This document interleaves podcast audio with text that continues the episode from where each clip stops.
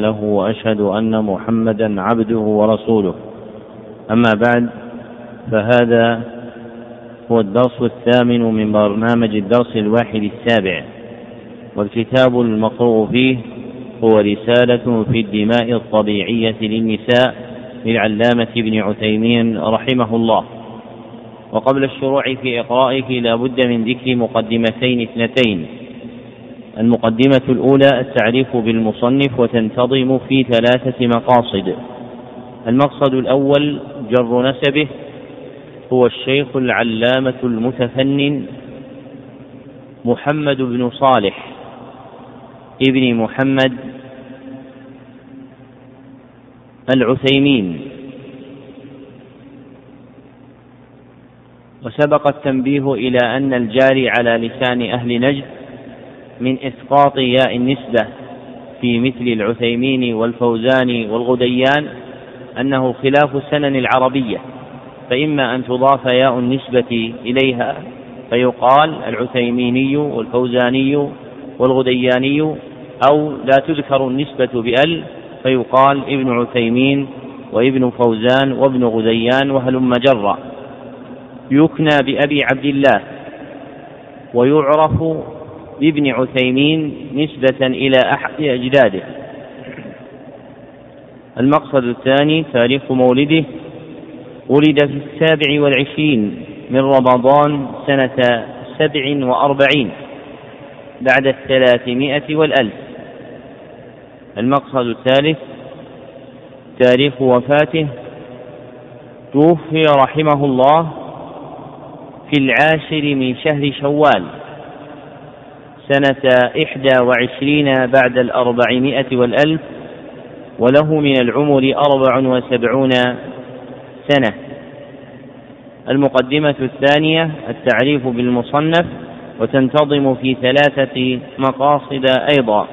المقصد الأول تحقيق عنوانه طبعت هذه الرسالة في حياة المصنف بالاسم الذي ارتضاه وهو رسالة في الدماء الطبيعية للنساء.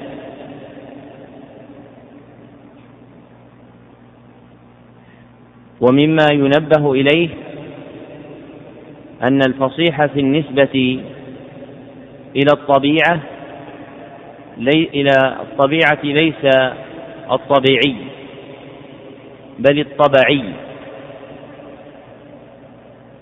لأن ما كان على زنة فعيلة ينسب إليه فيقال فعلي فينسب إلى الطبيعة ويقال طبعي. المقصد الثاني بيان موضوعه. تدور فصول هذه الرسالة حول بيان أحكام دماء النساء. وهي الحيض والاستحاضة والنفاس. المقصد الثالث توضيح منهجه. رتب المصنف رحمه الله تعالى كتابه في سبعة فصول. نظم فيها مقاصد الموضوع. واعتنى رحمه الله ببيان التقاسيم والأنواع التي تتميز بها الأحكام مع ذكر الأدلة والترجيح بين الأقوال المختلفة في المسائل المذكورة.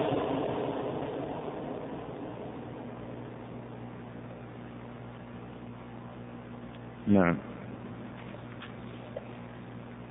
بسم الله الرحمن الرحيم. اللهم اغفر لنا ولشيخنا وللحاضرين والمستمعين. قال الشيخ ابن عثيمين رحمه الله تعالى بسم الله الرحمن الرحيم.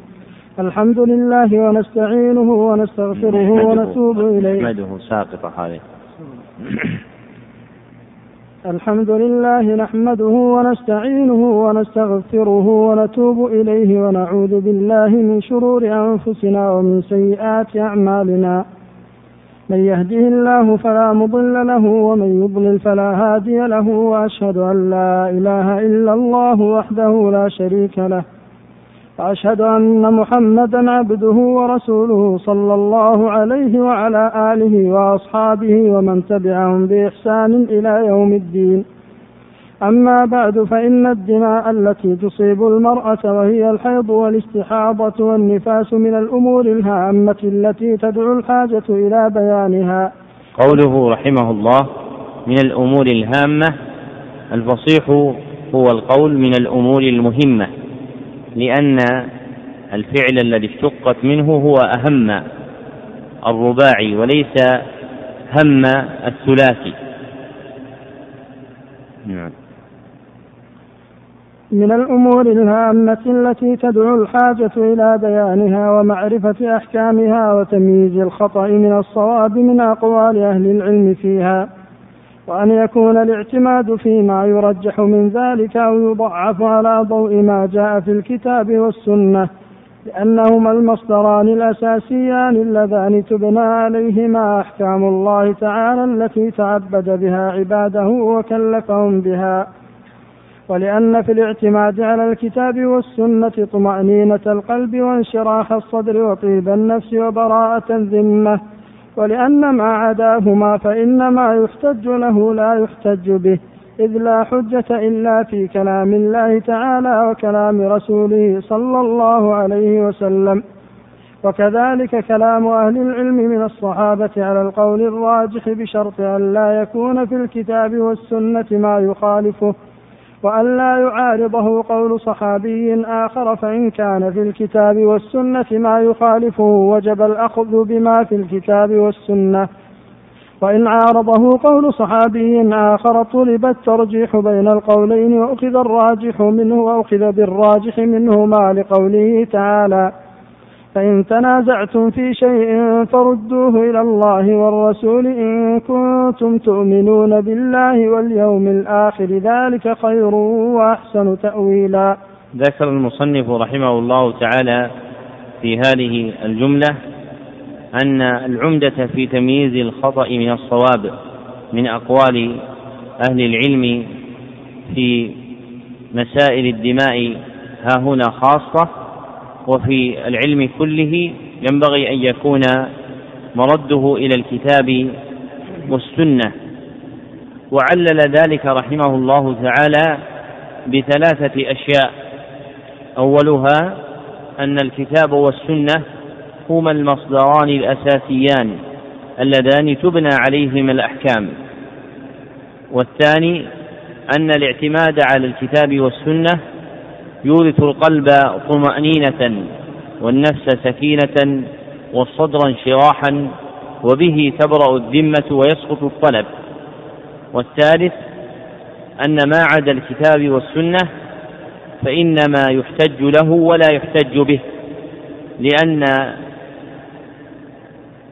كل كلام سوى كلام الله وكلام رسوله صلى الله عليه وسلم فلا ينتهض أن يكون حجة على كلام أحد من البشر. واختلف أهل العلم رحمهم الله تعالى في الاحتجاج بكلام الصحابة هل هو مما يحتج به أم لا؟ والراجح أن قول الصحابي حجة ما لم يخالف ما هو أعلى منه من أدلة الكتاب والسنة أو يعارضه قول صحابي آخر. كما قال المصنف رحمه الله تعالى في منظومته في أصول الفقه وقواعده قال قول الصحابي حجة على الأصح ما لم يخالف مثله فما رجح أي إذا لم يخالف صحابيا آخر أو يخالف ما هو أرجح منه من الكتاب والسنة. فالتعويل على الكتاب والسنة تحصل به هذه المقاصد الثلاثة التي ذكرها المصنف رحمه الله تعالى ومعارضتها بشيء سواها ليس من الدين في شيء كما قال الشاعر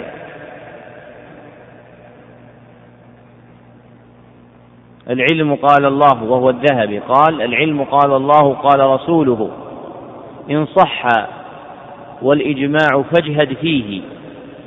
ما العلم نصبك للخلاف سفاهة بين الرسول وبين رأي فقيه.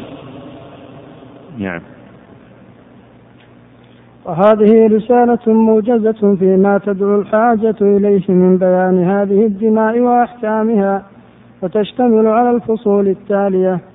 الفصل الأول في معنى الحيض وحكمته الفصل الثاني في زمن الحيض ومدته الفصل الثالث في الطوارئ على الحيض الفصل الرابع في أحكام الحيض الفصل الخامس في الاستحاضة وأحكامها الفصل السادس في النفاس وأحكامه الفصل السابع في استعمال ما يمنع الحيض أو يجلبه وما يمنع الحمل أو يسقطه.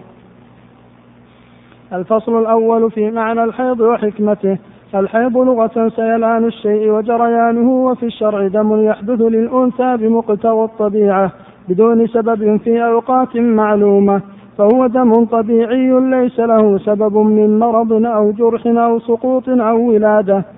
وبما أنه دم طبيعي فإنه يختلف بحسب حال الأنثى وبيئتها وجوها ولذلك تختلف فيه النساء اختلافا متباينا ظاهرا.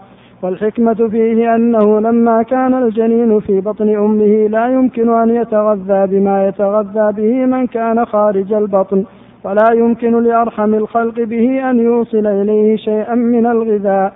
حينئذ جعل الله تعالى في الأنثى إفرازات دموية يتغذى بها الجنين في بطن أمه بدون حاجة إلى أكل وهضم تنفذ إلى جسمه من طريق السرة.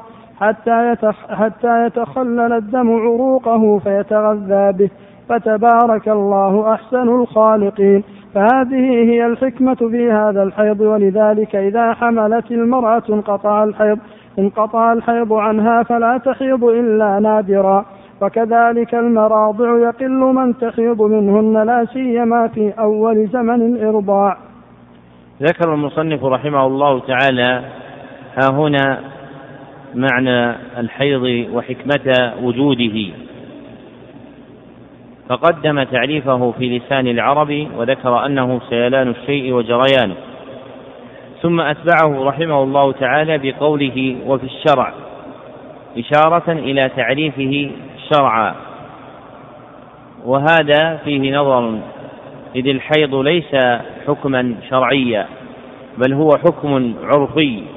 يوجد عند المسلمين وغيرهم وقد كانت العرب في الجاهلية تعرفه وتسميه بهذا الاسم وبأسماء أخرى.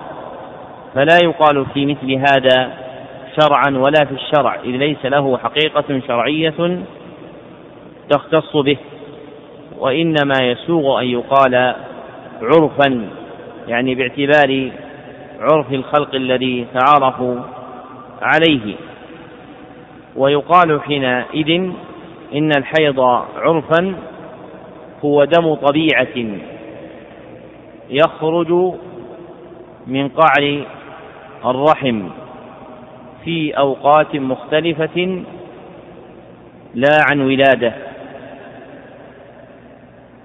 هو دم طبيعة يخرج من قعر الرحم في أوقات مختلفة لا عن ولادة. وبالقيد الأخير وهو قولنا لا عن ولادة خرج دم النفاس لأن دم النفاس يكون عن ولادة. فإذا قال قائل فأين القيد الذي يخرج به دم الاستحاضة؟ فما الجواب؟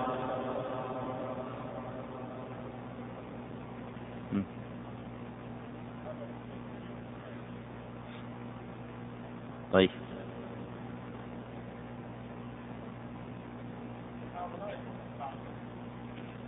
من أين؟ أحسنت.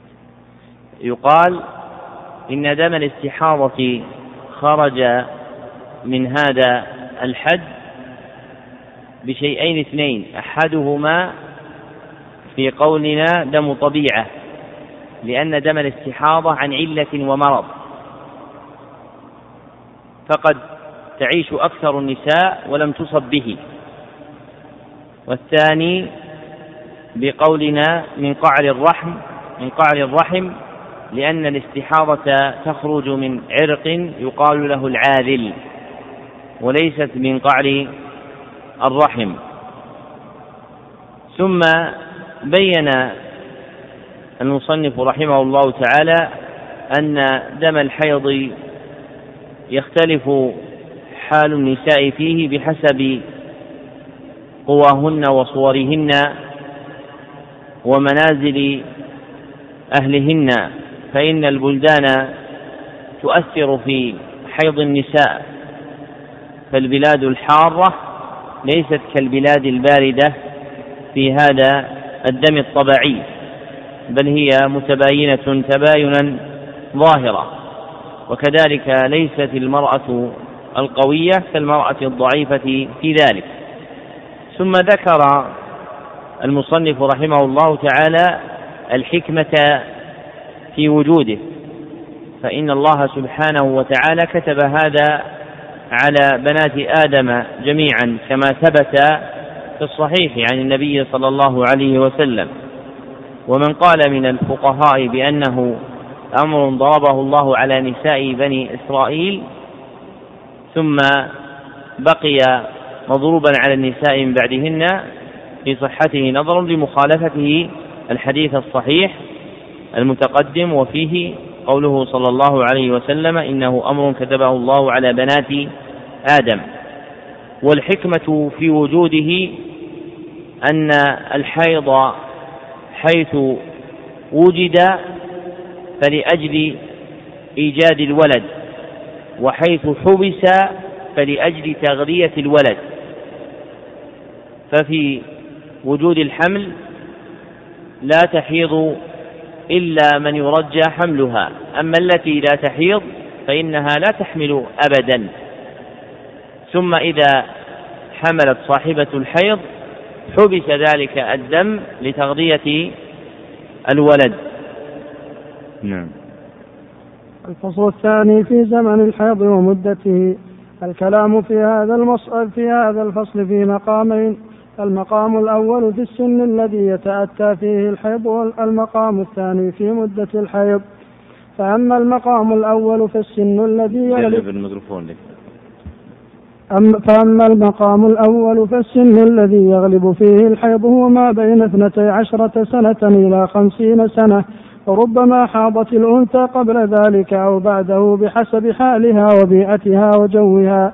وقد اختلف العلماء رحمهم الله هل للسن الذي يتأتى فيه الحيض حد معين بحيث لا تحيض الأنثى قبله ولا بعده؟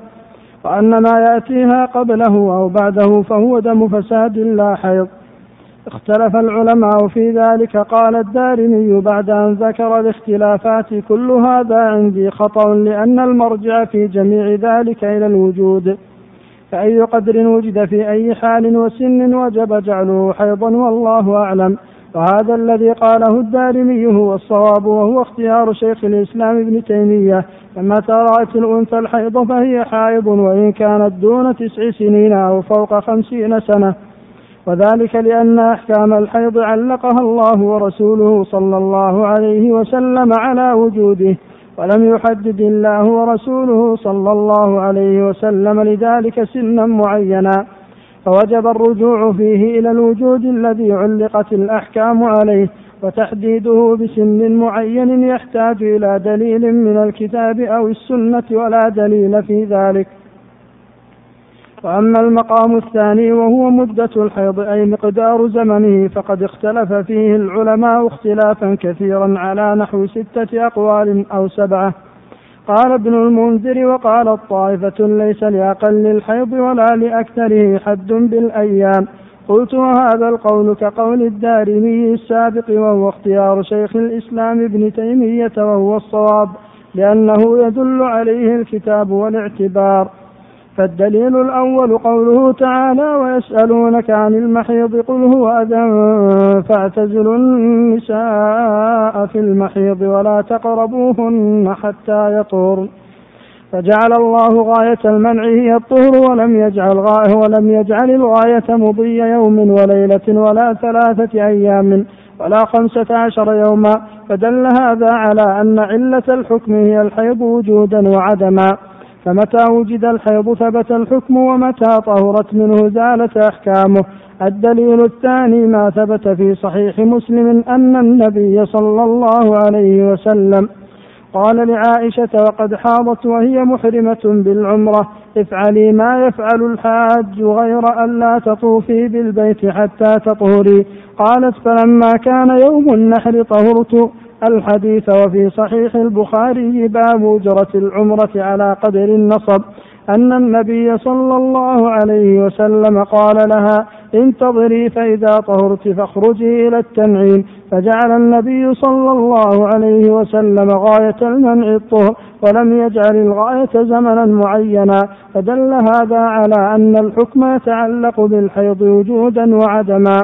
الدليل الثالث إن هذه التقديرات والتفصيلات التي ذكرها من ذكرها من الفقهاء في هذه المسألة ليست موجودة في كتاب الله تعالى ولا في سنة رسول الله صلى الله عليه وسلم مع أن الحاجة بل الضرورة داعية إلى بيانها فلو كانت مما يجب على العباد فهمه فلو كانت مما يجب على العباد فهمه والتعبد به لبينها الله ورسوله بيانا ظاهرا لكل أحد لأهمية الأحكام المترتبة على ذلك من الصلاة والصيام والنكاح والطلاق والإرث وغيرها من الأحكام كما بين الله ورسوله صلى الله عليه وسلم عدد الصلوات وأوقاتها وركوعها وسجودها والزكاة أموالها وأنصباءها ومقدارها ومصرفها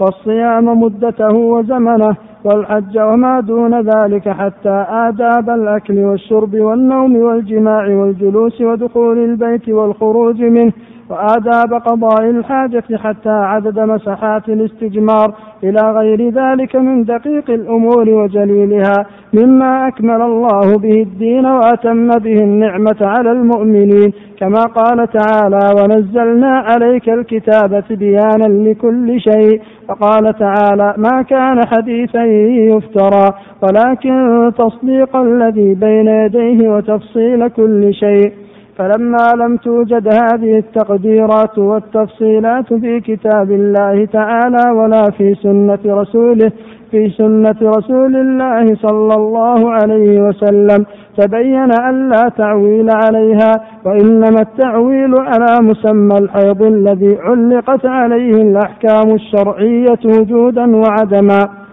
وهذا الدليل أعني أن عدم ذكر الحكم في الكتاب والسنة دليل على عدم اعتباره ينفعك في هذه المسألة وغيرها من مسائل العلم لأن الأحكام الشرعية لا تثبت إلا بدليل من الشرع من كتاب الله أو سنة رسوله صلى الله عليه وسلم أو إجماع معلوم أو قياس صحيح قال شيخ الإسلام ابن تيمية في قاعدة له ومن ذلك اسم الحيض علق الله به أحكاما متعددة في الكتاب والسنة ولم يقدر لا أقله ولا أكثره ولا الطهر بين الحيضتين مع عموم بلوى الأمة بذلك واحتياجهم إليه. واللغة لا تفرق بين قدر وقدر فمن قدر في ذلك حدا فقد خالف الكتاب والسنة. انتهى كلامه من رسالة في الأسماء التي علق الشارع الأحكام بها. الدليل الرابع الاعتبار أن الاعتبار أي القياس الصحيح المضطرد وذلك أن الله تعالى علل الحيض بكونه أذى. فمتى وجد الحيض فالأذى موجود لا فرق بين اليوم الثاني واليوم الأول ولا بين الرابع والثالث. ولا فرق بين اليوم السادس عشر والخامس عشر ولا بين الثامن عشر والسابع عشر. فالحيض هو الحيض والأذى هو الأذى فالعلة موجودة في اليومين على حد سواء فكيف يصح التفريق في الحكم بين اليومين مع تساويهما في العلة؟ أليس هذا خلاف القياس الصحيح؟ أو ليس القياس أو ليس القياس الصحيح تساوي اليومين في الحكم تساوي تساوي اليومين في الحكم لتساويهما في العلة. الدليل الخامس اختلاف أقوال المحددين واضطرابها فإن ذلك يدل على أن ليس في المسألة دليل يجب المصير إليه. وإنما هي أحكام اجتهادية معرضة للخطأ والصواب. ليس أحدها أولى بالاتباع من الآخر والمرجع عند النزاع إلى الكتاب والسنة. فإذا تبين قوة القول أنه لا حد لأقل الحيض ولا لأكثره وأنه القول الراجح فاعلم أن كل ما رأته المرأة من دم طبيعي ليس له سبب من جرح ونحوه فهو دم الحيض من غير تقدير بزمن أو سن إلا أن يكون مستمرا على المرأة لا ينقطع أبدا أو ينقطع مدة يسيرة كاليوم واليومين في الشهر فيكون استحاضة. وسيأتي إن شاء الله تعالى بيان الاستحاضة وأحكامها. قال شيخ الإسلام ابن تيمية والأصل في كل ما يخرج من الرحم أنه حيض حتى حتى يقوم دليل على أنه استحاضة. وقال أيضا فما وقع من دم فهو حيض إذا لم يعلم أنه دم عرق أو جرح. انتهى وهذا القول كما أنه هو الراجح من حيث الدليل فهو أيضا أقرب فهما وإدراكا وأيسر عملا وتطبيقا مما ذكره المحددون. وما كان كذلك فهو أولى بالقبول لموافقته لروح الدين الإسلامي وقاعدته وهي اليسر والسهولة. قال الله تعالى وما جعل عليكم في الدين من حرج فقال صلى الله عليه وسلم إن الدين يسر ولن يشاد الدين أحد إلا غلبه فسددوا وقاربوا وأبشروا رواه البخاري وكان من أخلاقه صلى الله عليه وسلم أنه ما خير بين أمرين إلا اختار أيسرهما ما لم يكن إثما حيض الحامل الغالب الكثير أن الأنثى إذا حملت انقطع الدم عنها. قال الإمام أحمد رحمه الله إنما تعرف النساء الحمل بانقطاع الدم فإذا رأت الحامل الدم فإن كان قبل الوضع بزمن يسير كاليومين أو الثلاثة ومعه طلق فهو نفاس. وإن كان قبل الوضع بزمن كثير أو قبل الوضع بزمن يسير لكن ليس معه طلق فليس بنفاس. لكن هل يكون حيضا تثبت له أحكام الحيض أو يكون دم فساد لا يحكم له بأحكام الحيض؟ في هذا خلاف بين أهل العلم والصواب أنه حيض إذا كان على الوجه المعتاد في حيضها لأن الأصل فيما يصيب المرأة من الدم أنه حيض إذا لم يكن له سبب يمنعه من كونه حيضا. وليس بالكتاب والسنة ما يمنع حيض الحامل. هذا هو مذهب مالك والشافعي واختيار شيخ الإسلام ابن تيمية واختيار شيخ الإسلام ابن تيمية. قال في الاختيارات وحكاه البيهقي رواية عن أحمد بل حكى أنه رجع إليه انتهى. وعلى هذا فيثبت لحيض الحامل ما يثبت لحيض غير الحامل إلا في مسألتين. الأولى الطلاق فيحرم طلاق من تلزمها عدة حال الحيض في غير الحامل ولا يحرم في الحامل لأن الطلاق في الحيض في غير الحامل مخالف لقوله تعالى فطلقوهن لعدتهن. أما طلاق الحامل حال الحيض فلا يخالفه لأن من طلق الحامل فقد طلقها لعدتها سواء كانت حائضا أم طاهرا لأن عدتها بالحمل ولذلك لا يحرم عليه طلاقها بعد الجماع بخلاف غيرها.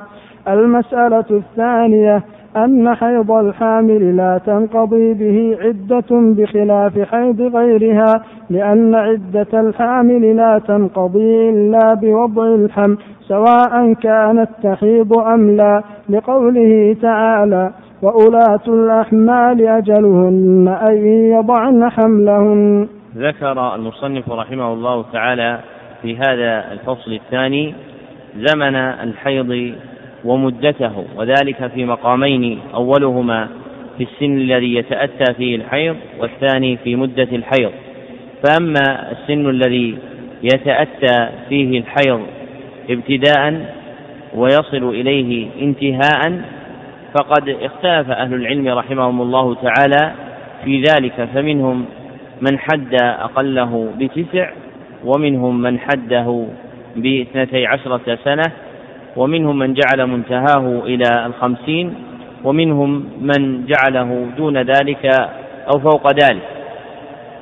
والفقهاء الذين تكلموا في هذه المسألة إنما استمدوا ذلك من العرف إذ ليس في الأدلة الشرعية ما يمكن أن يقال إنهم عولوا عليه وهم مع تقريرهم لهذه المسألة فلا ريب أنهم ركنوا إلى أصل أصيل من الأدلة التي تبنى عليها الأحكام وهو النظر إلى المعروف من أحوال النساء.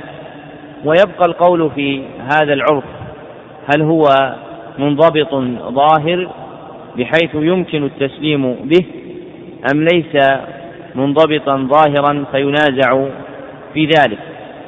وقد استظهر ابن رشد رحمه الله تعالى أن هذا العرف غير ظاهر يمكن ضبطه وحيث صار هذا العرف مختلفا متباينا لا يمكن ضبطه فإن التعويل على ما قدره الفقهاء من السن من السن متعذر لتعذر بنائه على عرف صحيح منضبط.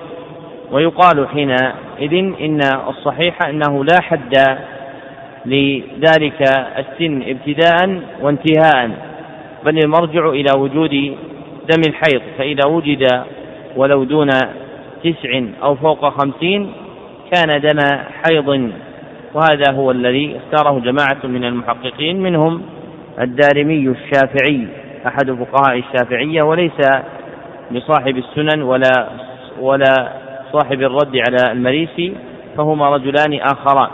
وهذا الدارمي من فقهاء الشافعية وله مصنف شهير في مسائل الحيض واختاره أيضا شيخ الإسلام ابن تيمية. والمقصود أن تعرف أن كلام الفقهاء في هذا معتمده العرف لكن لما كان العرف غير منضبط ألغي الاعتداد به عند التحقيق. ولا يقال إنهم تفوهوا بهذه الحدود بدون دليل. فإن الفقهاء إذا صار جمهورهم على قول بعد أن يتتابعوا متتايعين على قول واحد دون دليل معتمد فيبعد أن يكون التقدير موجودا في مذاهب الأئمة الأربعة ثم يقال إنه لا دليل عليه ولكن يقال عمدته العرف وذلك العرف غير منضبط فحينئذ لا يعول على مثله ويكون الراجح عدم التحديد كما اختاره جماعة من المحققين. وأما المقام الثاني فهو مدة الحيض أي مقدار زمنه إذا حاضت المرأة. وقد اختلف أهل العلم رحمهم الله تعالى في ذلك على أقوال كثيرة فمنهم من يجعله قدره يوما وليلة ومنهم من يزيد على ذلك. ومنهم من يبلغه خمسة عشر يوما. وهذه المسألة نظير المسألة المتقدمة فإن الفقهاء في المذاهب الأربعة قد تكلموا في تحديد مدة الحيض أقله وأكثره إذا اعترى المرأة. ويبعد حينئذ أن يقال إنهم قد بنوا قولهم دون دليل بل هم بنوا قولهم على دليل معتمد وهو العرف بملاحظة أحوال النساء في ابتداء الحيض وانتهائه. ومن المقطوع به أن أحوال البلاد والنساء تؤثر في شيوع العرف. فقد يكون فقهاء أهل المدينة أطلقوا القول في الأقل والأكثر بناء على حال بلدهم ونسائهم فقدروه بتقدير. ويكون فقهاء أهل العراق نظروا في ذلك إلى حال بلادهم ونسائهم فقدروه تقديرا ثانيا. وقل مثل هذا في سائر البلاد التي شاع فيها فقهاء الإسلام. فأصل التقدير مبني على هذا الدليل. ومن المعلوم أن العرف دليل معتمد لكن هذا العرف لا يمكن ضبطه. فيحصل في النفس توقف في ترجيح هذا القول. وإن كان هذا القول قول قوي وليس قولا ضعيفا كما يعبر عنه بعض المتكلمين في هذه المسائل. ممن إذا بحث عن دليل نقلي قال إن هذا القول ساقط أو ضعيف أو ملغى ويهمل أدلة يعتبرها الفقهاء ولا سيما في الأحكام التي تتعلق بأحوال الناس. فإن الأحكام التي تتعلق بأحوال الناس مردها في الغالب إلى العرف ومن جملة ذلك مدة الحيض. فإن مردها بلا ريب عند كل عاقل هو عرف النساء في كل بلد. ولتعذر الوقوف على عرف صحيح منضبط تعذر ترجيح هذا القول مع قوته. والميل إلى ترجيح قول من قال إنه لا حد لأقله ولا لأكثره أقوى. لأن الشرع إنما علق بوجوده دون تقدير مدة. فدل هذا الإطلاق على أن تقدير المدة فيه صعوبة وهذا هو الذي اختاره الدارمي وشيخ الإسلام ابن تيمية أيضا في هذه المسألة. واستدل المصنف رحمه الله تعالى لذلك بأدلة متعددة. أولها قوله تعالى ويسألونك عن المحيض الآية ووجه الاستدلال بها في قوله فجعل الله قاية المنع هي الطهر ولم يذكر الله سبحانه وتعالى مدة. ثم ذكر دليلا ثانيا وهو حديث عائشة ووجه الاستدلال به نظير الاستدلال بسابقه من جعل غاية المنع هي الطهر دون تعيين مدة. ثم ذكر دليلا ثالثا وهو عموم البلوى مع ترك ذكر هذه التقديرات والتفسيرات فإن البلوى عامة بوقوع الحيض على النساء ومع ذلك لم يأتي في الكتاب ولا في السنة تقدير ولا تفصيل لهذا. ثم ذكر دليلا رابعا وهو القياس الصحيح بين اليوم الأول والثالث والخامس عشر والثامن عشر إذا وجد الحيض. فإذا وجد الحيض وهو الأذى الذي يعتري النساء صار حكمه واحدا في أي يوم من الأيام مما يقتضي التسوية بين هذه الأيام. ثم ذكر دليلا خامسا وهو اختلاف أقوال المحدثين المحددين واضطرابها. فإن ذلك يدل على أن ليس في المسألة دليل. وهذا الذي ذكره المصنف رحمه الله تعالى متعقب بأن من تكلم من الفقهاء تكلم باعتبار العرف. والعرف مختلف باختلاف النساء والبلدان. فلأجل هذا وقع الاختلاف بين الفقهاء رحمهم الله تعالى بحسب بلدانهم ونسائهم فهم عولوا على دليل معتمد لكنه لما صار غير منضبط قيل إن الراجح خلافه. ثم تعرض المصنف رحمه الله تعالى لمسألة حيض الحامل فإن الفقهاء رحمهم الله تعالى مختلفون في هذا على قولين. أحدهما أن الحامل تحيض وهو مذهب مالك والشافعي والثاني أن الحامل لا تحيض وهو مذهب أبي حنيفة وأحمد.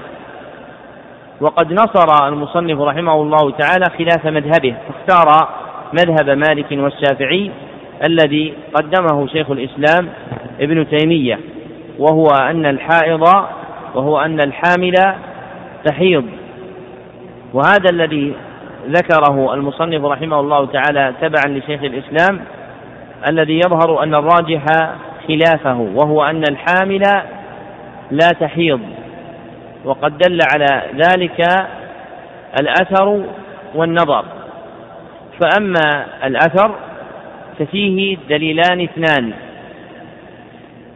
أولهما حديث أبي سعيد الذي رواه أبو داود وغيره أن النبي صلى الله عليه وسلم قال لا توطأ حامل حتى تضع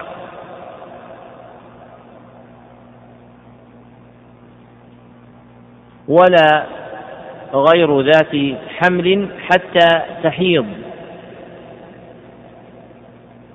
والحجة فيه في قوله صلى الله عليه وسلم ولا غير ذات حمل حتى تحيض حيضة فإنه أحال غير ذات الحمل إلى الحيض. ولو كانت الحامل تحيض ما جعل هذا إحالة لغيره. فيدل هذا على أن الحامل لا تحيض. وأما الدليل الثاني فما رواه الدارمي بسند جيد عن عائشة رضي الله عنها أنها قالت الحبلى لا تحيض. ولم يعرف لها مخالف من الصحابة وروي عنها خلاف ذلك بإسناد ضعيف والثابت عنها هو قولها الحبلى لا تحيض. وأما دليل النظر فإن الأطباء اليوم مجمعون على أن الحامل لا يعتريها الحيض أبدا. وكل فن يعول فيه على أهله. والفقهاء رحمهم الله تعالى ذكروا في مسائل عدة بناء الأحكام على قول طبيب ثقة ومن جملة ما ينبغي أن يبنى على ذلك هذه المسألة. فالصحيح أن الحامل لا تحيض أبدا وعلى هذا فما ذكره رحمه الله تعالى تبعا لغيره من الفقهاء من المسألتين الموردتين في آخر البحث لا حاجة إليه لأن الحامل لا تحيض أبدا. نعم. الفصل الثالث في الطوارئ على الحيض. الطوارئ على الحيض أنواع. الأول زيادة أو نقص مثل أن تكون عادة المرأة ستة أيام فيستمر بها الدم إلى سبعة أو تكون عادتها سبعة أيام فتطهر لستة. الثاني تقدم أو تأخر مثل أن تكون عادتها في آخر الشهر فت... فت... مثل أن تكون عادتها في آخر الشهر في آخر الشهر فترى الحيض في أوله أو تكون عادتها في أول الشهر فتراه في آخره. وقد اختلف أهل العلم في حكم هذين النوعين والصواب أنها متى رأت الدم فهي حائض ومتى طهرت منه فهي طاهر سواء زادت عن عادتها أم نقصت وسواء تقدمت أم تأخرت. وسبق ذكر الدليل على ذلك في الفصل قبله حيث علق الشارع أحكام الحيض بوجوده. وهذا مذهب الشافعي واختيار شيخ الإسلام ابن تيمية وقواه صاحب المغني فيه ونصره وقال ولو كانت العادة معتبرة على الوجه المذكور في المذهب لبينه النبي صلى الله عليه وسلم لأمته ولما وسعه تأخير بيانه إذ لا يجوز تأخير البيان عن وقته أو وأزواجه وغيرهن من النساء يحتجن إلى بيان ذلك في كل وقت فلم يكن ليغفل بيانه وما جاء عنه صلى الله عليه وسلم ذكر العادة ولا بيانها إلا في حق المستحاضة لا غير. انتهى. النوع الثالث صفرة أو كدرة بحيث ترى الدم أصفر كماء الجروح أو متكدرا بين الصفرة والسواد فهذا إن كان في أثناء الحيض أو متصلا به قبل الطهر فهو حيض. تثبت له أحكام الحيض وإن كان بعد الطهر. فليس بحيض لقول أم عطية رضي الله عنها كنا لا نعد الصفرة والكدرة بعد الطهر شيئا. رواه أبو داود بسند صحيح ورواه أيضا البخاري بدون قولها بعد الطهر لكنه ترجم له بقوله باب الصفرة والكدرة في غير أيام الحيض. قال في شرحه فتح الباري يشير بذلك إلى الجمع بين حديث عائشة رضي الله عنها المتقدم في قولها حتى ترين القصة البيضاء وبين حديث أم عطية المذكور في الباب بأن ذلك أي حديث عائشة محمول على ما إذا رأت الصبرة والكدرة في أيام الحيض. وأما في غيرها فعلى ما قالت أم عطية انتهى كلامه. وحيث وحديث عائشة رضي الله عنها الذي أشار إليه هو ما علقه البخاري جازما به قبل هذا الباب إن النساء كن يبعثن إليها بالدرجة شيء تحتشي به المرأة. بالدرجة. بالدرجة. صلى الله عليه إن النساء كن يبكن يبعثن إليها بالدرجة شيء تحتشي به المرأة لتعرف هل بقي من أثر الحيض شيء. فيها الكرسف القطن فيه الصفرة فتقول لا تعجلن حتى ترين القصة البيضاء. والقصة البيضاء ماء أبيض يدفعه الرحم عند انقطاع الحيض. النوع الرابع تقطع في الحيض بحيث ترى يوما تقطع تقطع في الحيض. النوع الرابع تقطع في الحيض. بحيث ترى يوما دما ويوما نقاء ونحو ذلك فهذا حالان. الحال الأولى أن يكون هذا مع الأنثى دائما كل وقتها فهذا دم استحاضة يثبت لمن تراه حكم حكم المستحاضة. الحال الثاني أن لا يكون مستمرا مع الأنثى بل يأتيها بعض الوقت ويكون بل يأتيها بعض الوقت ويكون لها وقت طهر صحيح. فقد اختلف العلماء رحمهم الله في هذا النقاء هل يكون طهرا أو ينسحب عليه أحكام الحيض؟ فيكون حيضا. وهو اختيار شيخ شيخ الإسلام ابن تيمية وصاحب الفائق. نقل عنهما في الإنصاف. ومذهب ومذهب أبي حنيفة.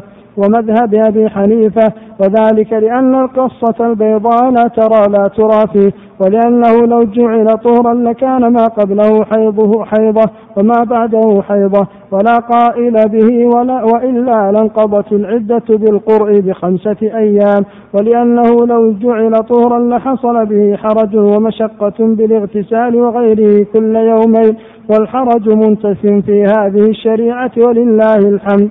والمشهور من مذهب الحنابلة أن الدم حيض والنقاء طهر والنقاء طهر إلا أن يتجاوز مجموعهما أكثر الحيض فيكون الدم المتجاوز استحاضة. وقال في المغني يتوجه أن انقطاع الدم متى نقص عن اليوم فليس بطهر بناء على على الرواية التي حكيناها في النفاس.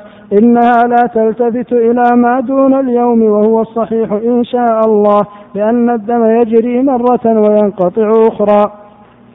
وفي إيجاب الغسل على من تطهر ساعة بعد ساعة حرج ينتفي لقوله تعالى وما جعل عليكم في الدين من حرج قال فعلى هذا لا يكون انقطاع الدم أقل من يوم طهرا إلا أن ترى ما يدل عليه مثل أن يكون انقطاعه في آخر عادتها أو ترى القصة البيضاء انتهى فيكون قول صاحب المغني هذا وسطا بين القولين والله أعلم بالصواب النوع الخامس جفاف في الدم بحيث ترى الأنثى مجرد رطوبة فهذا إن كان في أثناء الحيض أو متصلا به قبل الطهر فهذا حيض وإن كان بعد الطهر فليس بحيض لأن غاية حاله أن يلحق بالصفرة والكدرة وهذا حكمها. ذكر المصنف رحمه الله تعالى في هذا الفصل الطوارئ على الحيض. والمراد بها الأمور التي تطرأ على المرأة في حيضها. وقد عد رحمه الله تعالى خمسة أنواع من الطوارئ. أولها وقوع الزيادة والنقص بأن تكون للمرأة عادة فتزيد هذه العادة يوما أو تنقص يوما. والنوع الثاني تقدم خروج دم الحيض على عادتها أو تأخره عن عادتها. وقد ذكر المصنف رحمه الله تعالى أن أهل العلم مختلفون في الحكم على هذين النوعين. والصحيح هو ما ذكره من مذهب الشافعي واختيار شيخ الإسلام أن مدار الأمر على رؤية الدم لأن الشريعة علقت أحكام الحيض على خروج الدم ظاهرا. فإذا رأت المرأة دم الحيض بصفته قبل عادتها متقدما بيوم أو بعد انتهاء عادتها متأخرا بيوم أو زادت مدة عادتها أياما أو نقصت أياما فإنها ترجع إلى الحكومة في ذلك على خروج هذا الدم. فمتى كان الدم باقيا موجودا فهو حيض له حكم الحيض. والمذهب كما أشار المصنف يعولونها هنا على عادة المرأة فيحكمون بالحكم للعادة ولا ينظرون إلى الزيادة والنقص والتقدم والتأخر. والمختار هو رعاية ذلك بالنظر إلى الدم لأن أحكام الحيض معلقة بوجود هذا الدم. ثم ذكر النوع الثالث وهو الصفرة والكدرة التي تراها النساء وهو ما يخرج منهن ممن مما هو متلون بلون أصفر كالصديد أو متكدرا متغيرا متحولا لا يتميز بلون يستجمل ويستحسن. فيكون كدرا متغيرا. وهذا النوع له حالان اثنان. أولهما أن تخرج الصفرة والكدرة في أثناء الحيض أو تتصل به. وحينئذ فإن لها حكم الحيض لأنها تابعة له والتابع تابع. والحال الثانية أن تكون هذه الصفرة والقدرة واقعة بعد الحيض. فإذا وقعت بعد الحيض في الطهر فإنها تكون تابعة للطهر لأن التابع تابع أيضا. فالحكم في الصفرة والكدرة راجع للأصل الذي يتقدمه. فإن كانت مسبوقة بحيض فهي حيض وإن كانت مسبوقة بطهر فهي طهر. والحجة في ذلك حديث أم عطية كنا لا نعد الصفرة والكدرة شيئا. هذا هو الثابت في لفظه كما رواه البخاري ويكون عاما في الحالين جميعا.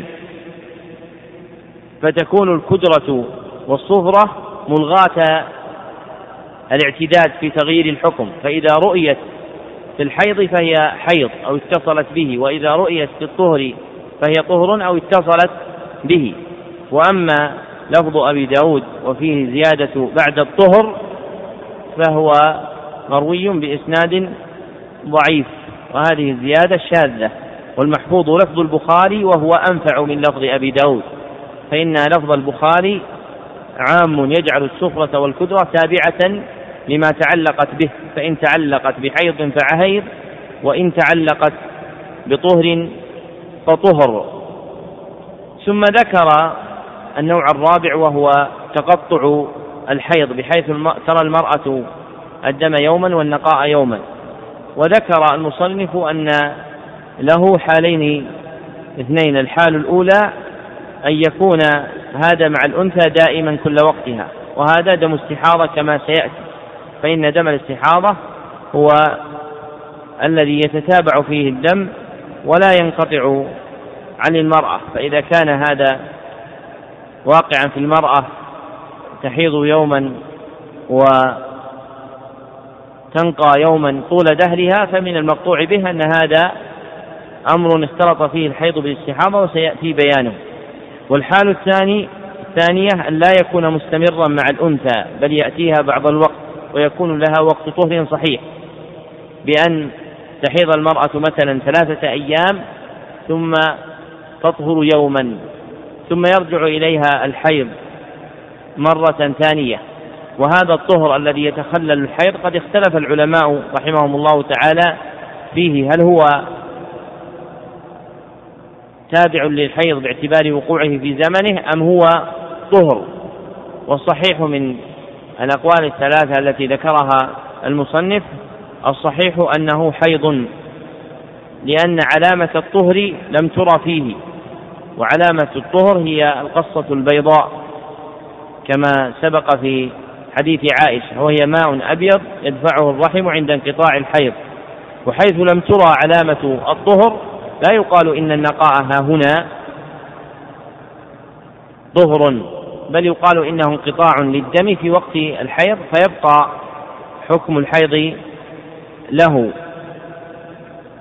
فإذا وقعت هذه الحال للمرأة وهي تقع كثيرا عند النساء وانقطع دمها ليوم أو يومين ثم رجع إليها في عادتها فالحكم بأنه تابع لحيضها لأنها لم ترى علامة الطهر ولا يكون ذلك نقاء وإنما يقع مثل هذا لاضطراب عادة المرأة بسبب علة تعتريها في عادة حيضها. وهذا القول كما ذكر المصنف هو اختيار جماعة من المحققين كشيخ الإسلام ابن تيمية وصاحب الفائق من الحنابلة وهو مذهب أبي حنيفة أيضا.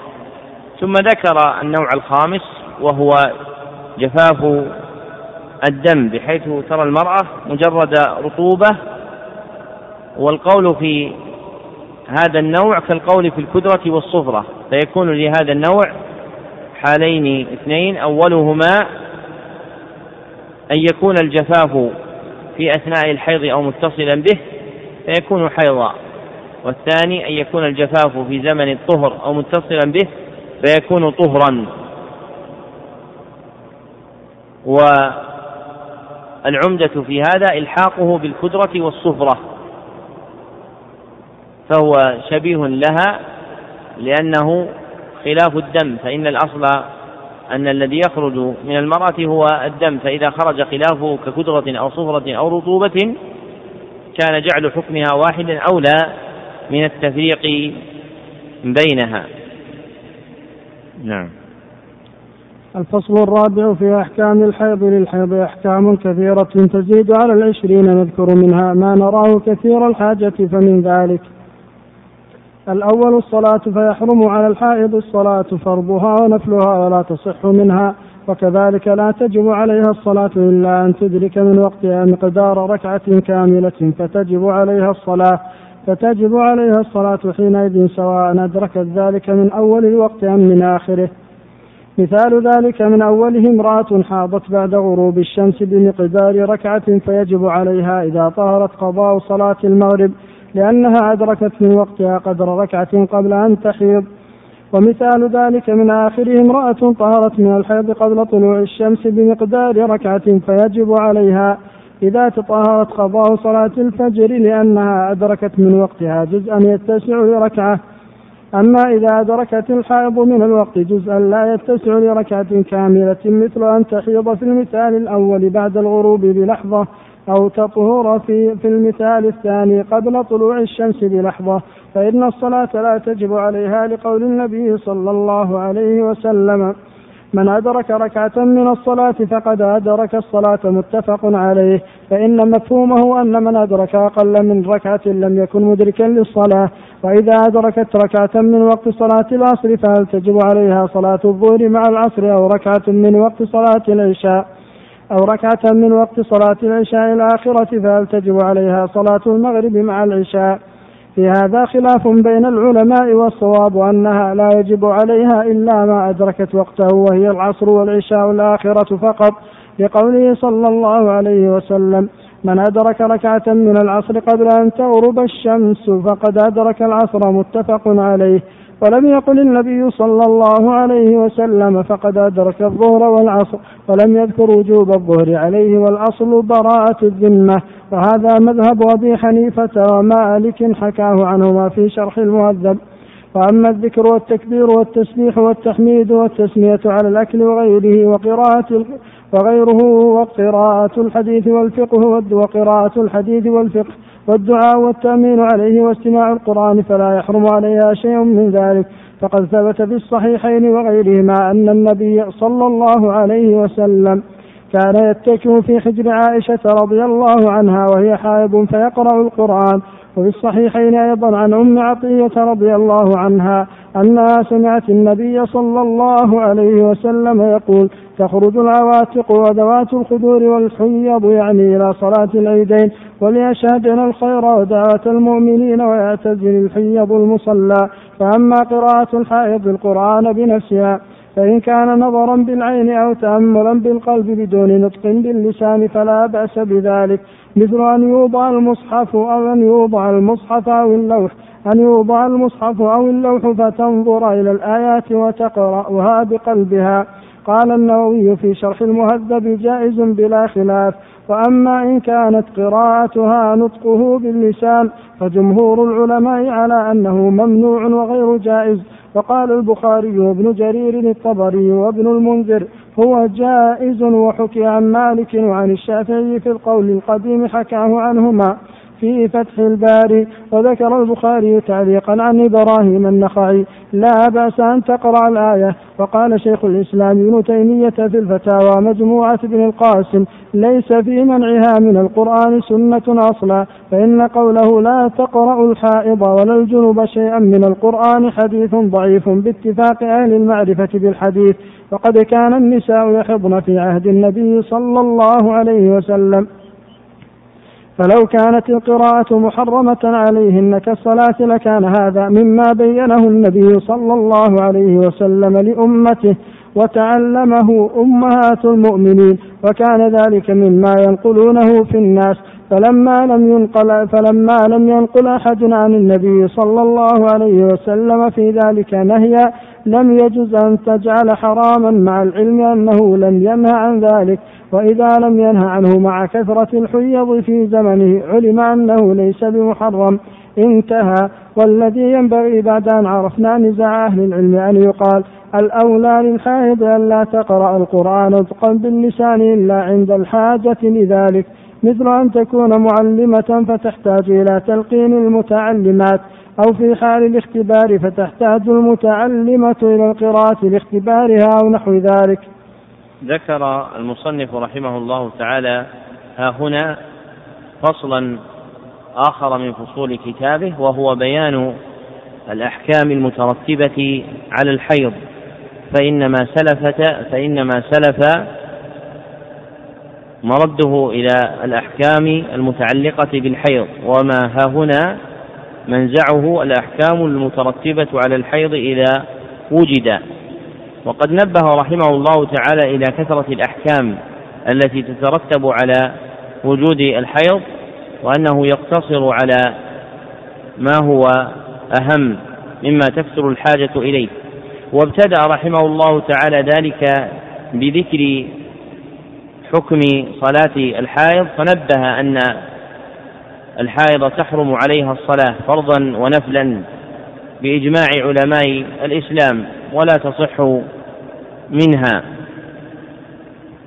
وإذا أدركت المرأة وقتا من الصلاة بعد طهرها قبل خروجه أو قبل حيضها قبل خروجه فقد اختلف أهل العلم رحمهم الله تعالى في القدر الذي إذا أدركته وجبت عليها الصلاة سواء أدركته من أوله أو أدركته من آخره. على أقوال أصحها أن مرد ذلك إلى ما يدرك به الوقت. والراجح في إدراك الوقت أن إدراك الوقت يكون بإدراك ركعة. كما في قوله صلى الله عليه وسلم من أدرك ركعة من الصلاة فقد أدرك الصلاة. فإذا كان الوقت يدرك بركعة قيل إنه إذا أدركت المرأة من وقتها مقدار ركعة كاملة فإنها تجب عليها الصلاة. فإذا طهرت المرأة فإذا حاضت المرأة مثلا في وقت العصر في أوله فإن كانت قد أدركت من وقت العصر مقدار ركعة وجب عليها القضاء بعد طهرها. وإن لم تدرك ما يكون في هذه المدة فإنه لا يجب عليها القضاء. ثم ذكر المصنف رحمه الله تعالى مسألة من مسائل قضاء الحائض للصلاة وهي هل تقضي الحائض فرض وقتها المفرد أم تقضي فرض الوقت المجموع لأن الوقت المجموع وهو الظهر والعصر والمغرب والعشاء قد قال بوجوب القضاء على الحائض به جماعة من الفقهاء وقابلهم آخرون وقالوا إن الذي يجب عليها إنما هو قضاء الوقت المفرد. فلو أن امرأة ظهرت في وقت العصر فعند القائلين بوجوب القضاء بالوقت المجموع يقولون يجب عليها قضاء الظهر والعصر. وعند القائلين بأن الواجب هو قضاء الوقت المفرد يقولون إن الواجب عليها هو العصر فقط. وهذه المسألة قد اختلف فيها الفقهاء رحمهم الله تعالى. وقول من قال إنه يجب عليها قضاء الوقت المفرد أقوى. فيجب على الحائض إذا طهرت في العصر أن تقضي العصر فقط وإذا طهرت في المغرب في العشاء أن تقضي العشاء فقط كما هو مذهب أبي حنيفة ومالك خلافا لمذهب الشافعي وأحمد. وقد رويت في إيجاب قضاء الوقت المجموع آثار عن الصحابة لكن بالتتبع لها لا يثبت منها شيء. والتابعون مختلفون في ذلك. والرد إلى قول النبي صلى الله عليه وسلم من أدرك ركعة من العصر قبل أن تغرب الشمس فقد أدرك العصر أولى فيقال إنها إذا أدركت شيئا من الوقت المفرد كان الواجب هو الوقت المفرد لا فرض الوقت المجموع. ثم إن من العلماء رحمهم الله تعالى من استحب للمرأة الحائض في حيضها إذا أذن للصلاة أن تجلس لذكر الله سبحانه وتعالى ودعائه كجلوسها لصلاتها.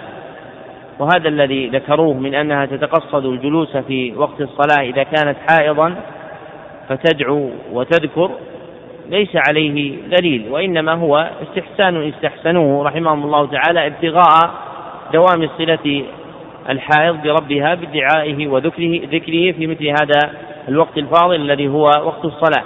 لكن استحبابه فيه بعد لعدم الدليل على ذلك. وإذا تقرر أن الحائض لا تجب عليها الصلاة ولا تصح منها فما عدا ذلك من الذكر والتكبير والتسبيح والتسمية فإن للحائض أن تفعله ولا يحرم عليها شيء كما ذكره المصنف بدليله.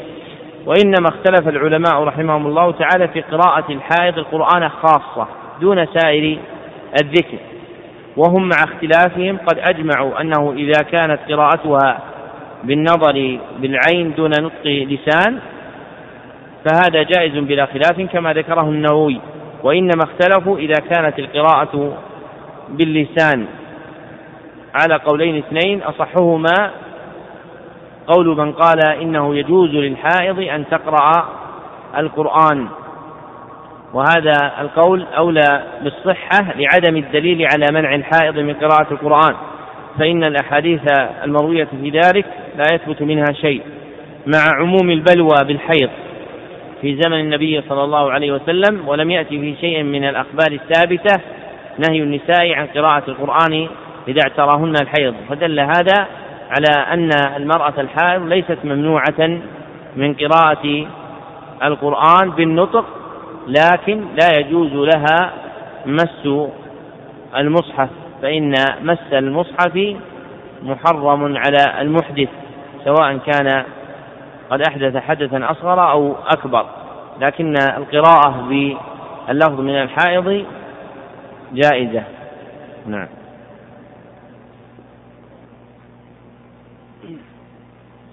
الحكم الثاني الصيام فيحرم على الحائض الصيام فرضه ونفله ولا يصح منها لكن يجب عليها قضاء الفرض منه لحديث عائشة رضي الله عنها. كان يصيبنا ذلك تعني الحيض فنؤمر بقضاء الصوم ولا نؤمر بقضاء الصلاة متفق عليه. وإذا حاضت وهي صائمة بطل صيامها ولو كان ذلك قبيل الغروب بلحظة ووجب عليها قضاء ذلك اليوم. إن كان فرضا أما إذا أحست بانتقال الحيض قبل الغروب لكن لم يخرج إلا بعد الغروب فإن صومها تام ولا يبطل على القول الصحيح لأن الدم في باطن الجوف لا حكم له ولأن النبي صلى الله عليه وسلم لما سئل عن المرأة ترى في منامها ترى في منامها ما يرى الرجل هل عليها غسل؟ قال نعم إذا هي رأت الماء. فعلق الحكم برؤية المني لا بانتقاله فكذلك الحيض لا تثبت أحكامه إلا برؤيته خارجا لا بانتقاله. فإذا طلع الفجر وهي حائض لم يصح منها صيام ذلك اليوم ولو طهرت بعد الفجر بلحظة فإذا طهرت قبيل الفجر فصامت صح صومها وإن لم تغتسل إلا بعد الفجر كالجنب إذا نوى الصيام وهو جنب ولم يغتسل إلا بعد طلوع الفجر. فإن صومه صحيح لحديث عائشة رضي الله عنها قالت كان النبي صلى الله عليه وسلم يصبح جنبا من جماع من جماع غير احتلام ثم يصوم في رمضان متفق عليه. ذكر المصنف رحمه الله تعالى هنا حكما ثانيا مترتبا على الحيض وهو الصيام وبين أن الحائض يحرم عليها الصيام فرضه ونفله ولا يصح منها ويجب عليها قضاء الفرض منه بخلاف الصلاة فإن فرضها لا يجب على الحائض إذا حاضت أن تقضيه أما الصيام فإنه يجب على المرأة أن تقضيه للأمر بذلك كما في حديث عائشة فنؤمر بقضاء الصوم ولا نؤمر بقضاء الصلاة. وإذا حاضت المرأة حال صيمها حال صيامها بطل صيامها وجب عليها قضاء ذلك اليوم. ولو تأخر بأن تحيض بعد العصر أو قبل الغروب فإذا وجد الحيض بطل الصيام ووجب القضاء. وإذا أحست المرأة بانتقال الحيض قبل الغروب ثم لم ترى الدم إلا بعد الغروب فإنه لا يجب عليها القضاء ويكون صيامها صحيحا لأن الأحكام علقت برؤية الدم ولم تعلق بوجود الإحساس. ونظير هذا ما ذكره الفقهاء من أن من أحس بانتقال منيه لا يجب عليه أن يغتسل إلا إذا رآه قد خرج. وأما مجرد انتقاله في الصلب فإنه لا يوجب غسلا. ثم ذكر أن الحائض إذا طهرت قبيل الفجر ثم أخرت غسلها بعد الفجر صح صيامها إلحاقا لها بالجنوب. كما ثبت ذلك من هدي النبي صلى الله عليه وسلم أنه كان يصبح جنبا من جماع غير احتلام ثم يصوم في رمضان. نعم. الحكم الثالث الطواف بالبيت فيحرم عليها الطواف بالبيت فرضه ونفله. ولا يصح منها لقول النبي صلى الله عليه وسلم لعائشة رضي الله عنها لما حاضت افعلي ما يفعل الحاج غير أن لا تطوفي بالبيت حتى تطهري. وأما بقية الأفعال كالسعي بين الصفا والمروة والوقوف والمبيت بمزدلفة ومنى ورمي الجمار وغيرها من مناسك الحج والعمرة فليست حراما عليها وعلى هذا فلو طافت الأنثى وهي طاهر ثم خرج الحيض بعد الطواف مباشرة أو في أثناء السعي فلا حرج في ذلك. ذكر المصنف رحمه الله تعالى هنا حكما ثالثا مترتبا على الحيض وهو حرمة الطواف للبيت على المرأة في الفرض والنفل وأنه لا يصح منها بخلاف بقية أفعال المناسك كالسعي بين الصفا والمروة والوقوف والمبيت مزدلفة وغيرها فإنها ليست حراما عليها فإن النبي صلى الله عليه وسلم لما أمر عائشة أمرها بأن تجتنب شيئا واحدا وهو ألا تطوف بالبيت حال حيضها حتى تطهر وما عدا ذلك فقد أمرها بفعله فقال افعلي ما يفعل الحاج. ومن الفقهاء رحمهم الله تعالى من سوغوا للمرأة الحائض التي تخشى فوات رفقتها ولم تطف للحج رخصوا لها أن تتلجم بثوب وتحكم الاتقاء من خروج الدم منها ثم تطوف لحجها وتخرج من رفقت مع رفقتها لأن ذهابها إلى بلدها فيه مشقة عليها فقد يتعذر ردها إلى البلد الحرام. وكذلك تأخير رفقتها قد يكون متعذرا لفوات موعد سفرهم ولا سيما في هذه الأزمان. وهذا هو اختيار شيخ الإسلام ابن تيمية رحمه الله تعالى. فاستثنى بعض الفقهاء هذه الصورة من حرمة طواف الحائض بالبيت. قالوا إن بقي عليها طوافها للحج وخشيت فوات رفقتها وأنه يلحقها بتخلفها ضرر عليها أو على من معها فيؤذن لها حينئذ على وجه الرخصة وتكون غير آثمة لاحتياجها إلى ذلك. نعم. الحكم الرابع سقوط طواف الوداع عنها. فإذا أكملت الأنثى مناسك الحج والعمرة ثم حاضت قبل الخروج إلى بلدها واستمر بها الحيض إلى خروجها فإنها تخرج بلا وداع لحديث ابن عباس رضي الله عنهما قال أمر الناس أن يكون آخر عهدهم بالبيت إلا أنه خفف عن المرأة الحائض. متفق عليه. ولا يستحب للحائض عند الوداع أن تأتي إلى باب المسجد الحرام وتدعو لأن ذلك لم يرد عن النبي صلى الله عليه وسلم. والعبادات مبنية على الوارد بل الوارد عن النبي صلى الله عليه وسلم.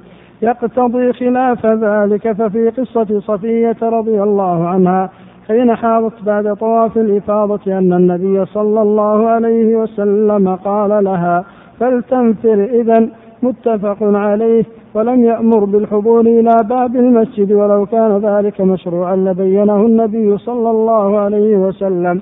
أما طواف الحج والعمرة فلا يسقط عنها بل تطوف إذا طهرت. ذكر المصنف رحمه الله تعالى هنا حكما رابعا يترتب على الحيض وهو سقوط طواف الوداع عن المرأة إذا حاضت فإنه قد خفف عنها ذلك كما ثبت في حديث ابن عباس في الصحيحين وهو الذي أورده المصنف. فإذا لم يبقى على المرأة من شعائر حجها إلا طواف الوداع ثم حاضت سقط عنها طواف الوداع. ولا يستحب لها حينئذ أن تأتي إلى باب المسجد الحرام وتدعو كما قاله بعض الفقهاء لأن ذلك لم يرد عن النبي صلى الله عليه وسلم. والعبادات مبنية على التوقيف. وهو صلى الله عليه وسلم لما وقع لزوجه صفية ما وقع من الحيض بعد أن طافت للإفاضة وسقط عنها طواف الوداع أمرها بأن تنفر ولم يأمرها بأن تذهب إلى باب المسجد وأن تدعو عنده. ثم نبه إلى أن طواف الحج والعمرة الذي هو ركن فلا يسقط عن المرأة بل تطوف إذا طهرت. وهذا هو الأصل الكلي إلا في الصورة التي سبق ذكرها إذا كان في ذلك ضررا عليها. نعم. الحكم الخامس المكث في المسجد فيحرم على الحائض أن تمكث في المسجد حتى مصلى العيد. يحرم عليها أن تمكث فيه لحديث أم عطية رضي الله عنها أنها سمعت النبي صلى الله عليه وسلم يقول تخرج العواتق وذوات الخدور والحيض وفيه يعتزل الحيض المصلى متفق عليه. ذكر المصنف رحمه الله تعالى هنا الحكم الخامس المترتب على الحيض وهو حرمة المكث في المسجد على الحائض. وهذا هو القول الصحيح من قول أهل العلم في ذلك فيحرم على المرأة أن تمكث في المسجد لأحاديث عدة ومنها أيضا ما في الصحيح لما أمر النبي صلى الله عليه وسلم عائشة بأن تأتي له بالخمرة بالخمرة فقالت إني حائض فقال إن حيضتك ليست في يدك وإنما تعللت عائشة بالحيض لما تقرر عندها من أن الحائض يحرم عليها المكث في المسجد فاعتذرت النبي صلى الله عليه وسلم فبين أن دخول يدها بمد الخمرة إليه صلى الله عليه وسلم لا يكون من هذا الجنس. في أحاديث أخر يترجح بها القول بأن مكث الحائض في المسجد حرام. نعم. الحكم السادس الجماع.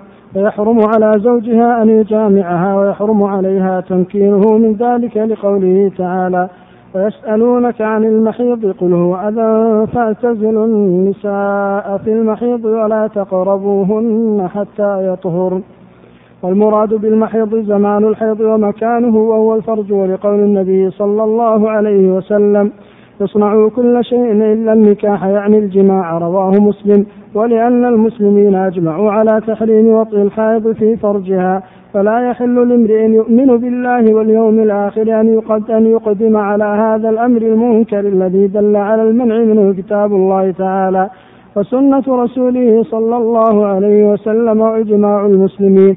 فيكون ممن شاق الله ورسوله واتبع غير سبيل المؤمنين. قال في المجموع شرح المهذب قال الشافعي من فعل ذلك فقد أتى كبيرة قال أصحابنا وغيرهم من استحل وطأ الحائض حكم بكفره انتهى كلام النووي فقد أبيح له ولله الحمد ما يكسر به ما يكسر به شهوته دون الجماع كالتقبيل والضم والمباشرة فيما دون الفرج لكن الأولى أن لا يباشر فيما بين السرة والركبة إلا من وراء حائل. لقول عائشة رضي الله عنها كان النبي صلى الله عليه وسلم يأمرني فأتجر فيباشرني وأنا حائض متفق عليه.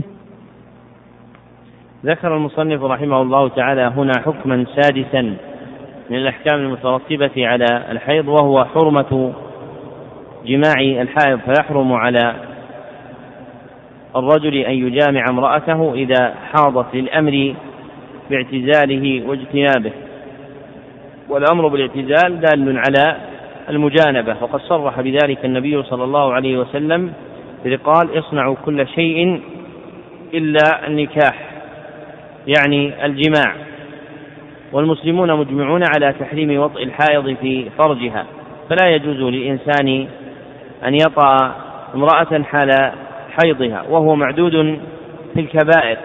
وقد ذكر أهل العلم أن من استحل كبيرة فقد كفر ومن جملة ذلك استحلال الوطء بأن يعتقد حله فإنه يحكم حينئذ بكفره.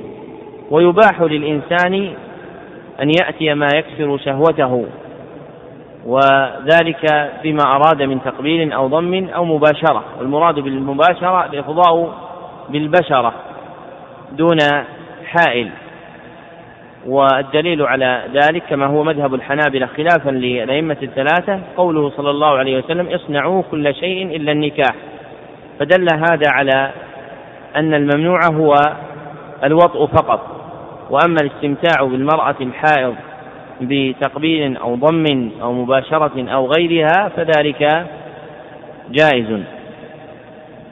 وإذا وطئ الرجل امرأته حال الحيض فقد أثم ووجبت عليه الكفارة فقد ثبت ذلك عن ابن عباس رضي الله عنه قال إذا أصابها في أول حيضتها فعليه دينار وإذا أصابها بعد انقطاع دمها فعليه نصف دينار.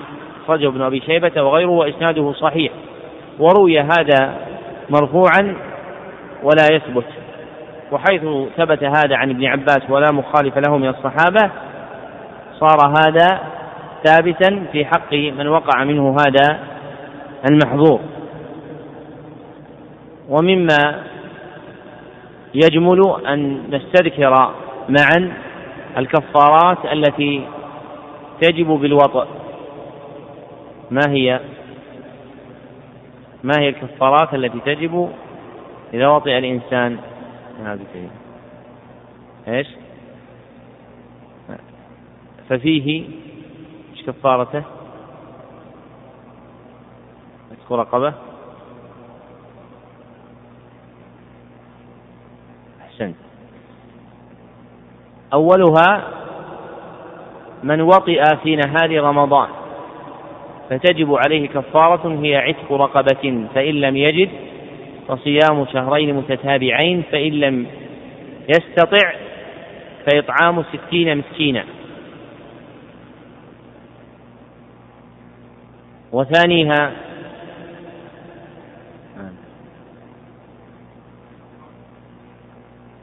لا المظاهرة غير ظاهر امتناع مظاهرة امتناع لكن إذا وطئ في إذا وطئ قبل أن يكفر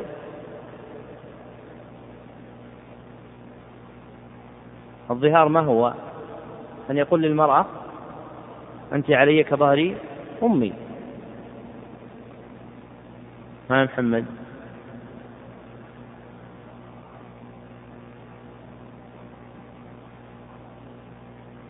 هذا مو بسببه الوطأ هذا امتناع مثل الظهار. الإيلاء والظهار هذا امتناع. ثم وقع بعد الامتناع شيء لكن نحن نقصد ابتداء باق واحد مشهور في الحج ثالثها بعد الحيض والصيام الحج. فإذا وطئ قبل التحلل الأول فعليه إيش؟ عليه بدنه. كما جاء هذا عن جماعة من الصحابة. وإذا وطئ بعد التحلل الأول وقبل التحلل الثاني فعليه شاه هذا مذهب الحنابلة لكن على الصحيح أن عليه بدنة كما ثبت هذا عن ابن عباس رواه مالك في الموطأ والبيهقي في السنن الكبرى ولا يعرف له مخالف في الصحابة. فهذه كفارات الوطأ إذا وطئ الإنسان. نعم. الحكم السابع الطلاق. فيحرم على الزوج طلاق الحائض حال حيضها لقوله تعالى يا أيها النبي إذا طلقتم النساء فطلقوهن لعدتهن أي في حال يستقبلن به أي في حال يستقبلن به عدة معلومة حين الطلاق. ولا يكون ذلك إلا إذا طلقها حاملا أو طاهرا من غير جماع. لأنها إذا طلقت حال الحيض لم تستقبل العدة حيث إن الحيضة التي طلقت فيها لا تحسب من العدة وإذا طلقت طاهرا بعد الجماع لم تكن العدة التي تستقبلها معلومة حيث أنه لا يعلم هل حملت من هذا الجماع فتعتد بالحمل أو لم تحمل فتعتد بالحيض. فلما لم يحصل اليقين من نوع العدة حرم عليه الطلاق حتى يتبين الأمر. فطلاق الحائض حال حيضها حرام للآية السابقة.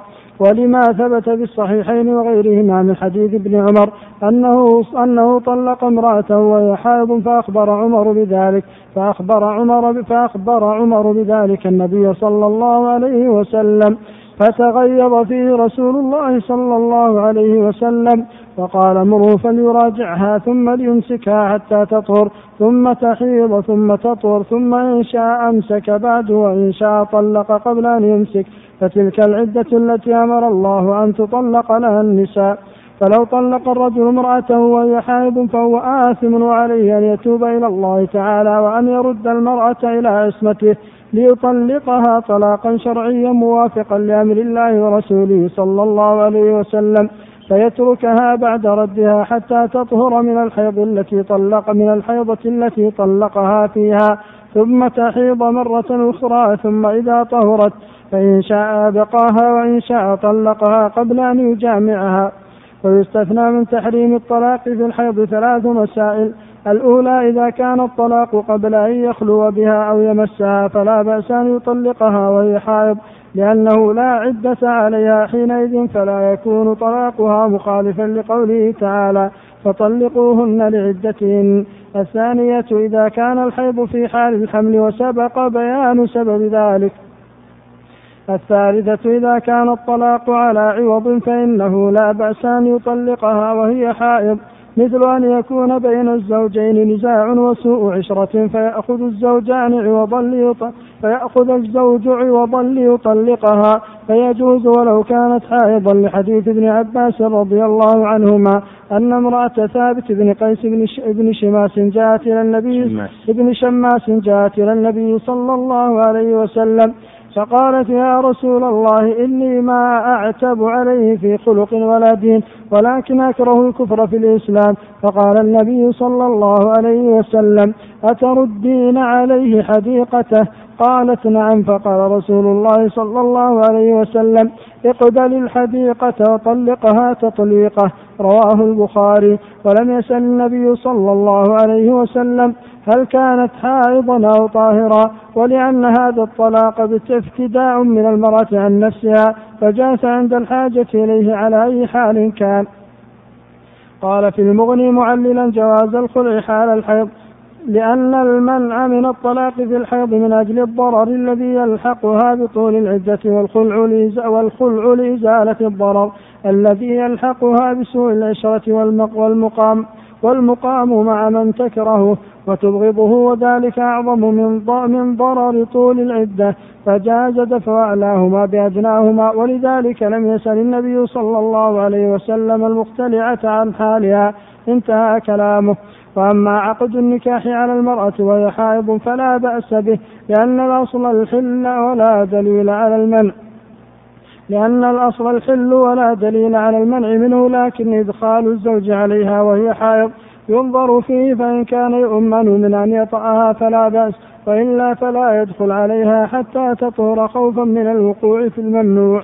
ذكر المصنف رحمه الله تعالى ها هنا الحكم السابع المترتب على وجود الحيض وهو حرمة الطلاق فلا يجوز تطليق الحامل للآية والحديث. فأما الآية فهي قوله تعالى فطلقوهن لعدتهن والمرأة إنما يمكنها استقبال العدة إذا طلقت في طهر لم تجامع فيه وأما إذا طلقت في حيض أو في طهر جمعت فيه فإنها لا يمكن أن تستقبل العدة بل تكون تلك ملغاة من عدتها. وأما الحديث فحديث ابن عمر في الصحيح وفيه تطليقه لامرأته حال حيضها وتغيظ النبي صلى الله عليه وسلم عليه مما يدل على منعه. وهذا من المعدود عند الفقهاء من الطلاق البدعي المحرم.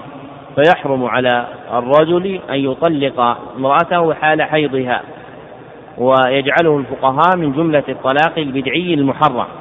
وهل تعد التطليقة على الرجل أم لا تعد؟ قولان لأهل العلم. أصحهما احتساب التطليقة عليه كما هو مذهب الجمهور. لما في البخاري من أن النبي صلى الله عليه وسلم احتسب تلك التطليقة على ابن عمر رضي الله عنهما فإذا طلق الرجل امرأته حال الحيض حسبت عليه تطليقة وحرم عليه ذلك الفعل وكان آثما به. ثم ذكر المصنف رحمه الله تعالى أنه يستثنى من تحريم الطلاق في الحيض ثلاث مسائل. الأولى إذا كان الطلاق قبل أن يخلو بها أو يمسها فلا بأس أن يطلقها وهي حائض وهي امرأة لم يدخل بها. الرجل فحينئذ لا عدة عليها فيجوز له أن يطلقها ولو في حيضها. والمسألة الثانية إذا كان الحيض في حال الحمل وهذا على ما رجحه المصنف آنفا من أن الحامل تحيض والصحيح أن الحامل لا تحيض وحين ذلك تكون هذه المسألة ملغاة من ما استثني. وثالثها إذا كان الطلاق على عوض وهو الخلع. فإن الصحيح أن الخلع لا يجري عليه مجرى المنع من التطليق حال الحيض لأن الخلع فيه إزالة لسوء العشرة وحسم للخلاف. وأما الطلاق فإنما حرم رجاء أن يرجع الرجل عن تطليقه وتفيء المرأة إلى زوجها. فلما كان هذا قصد الخلع لم يحسن حينئذ أن يقال إن المرأة تنتظر بل تجوز المخالعة ولو حال الحيض. ثم ذكر المصنف رحمه الله تعالى استطرادا مسألة عقد النكاح على المرأة وهي حائض فيجوز عقد النكاح على المرأة حال حيضها. ثم ذكر مسألة أخرى وهي الدخول على المرأة حال حيضها. والصحيح أن الدخول على المرأة إذا تزوجها الرجل حال حيضها يكره خشية الوقوع في المحظور. وبهذا يعلم أن المسائل المتعلقة بالنكاح مما له صلة بالحيض ثلاث مسائل. إحداها عقد النكاح وهو جائز فيجوز عقد النكاح على الحائض وثانيها الدخول بها وهو مكروه وثالثها وطئها وهو محرم.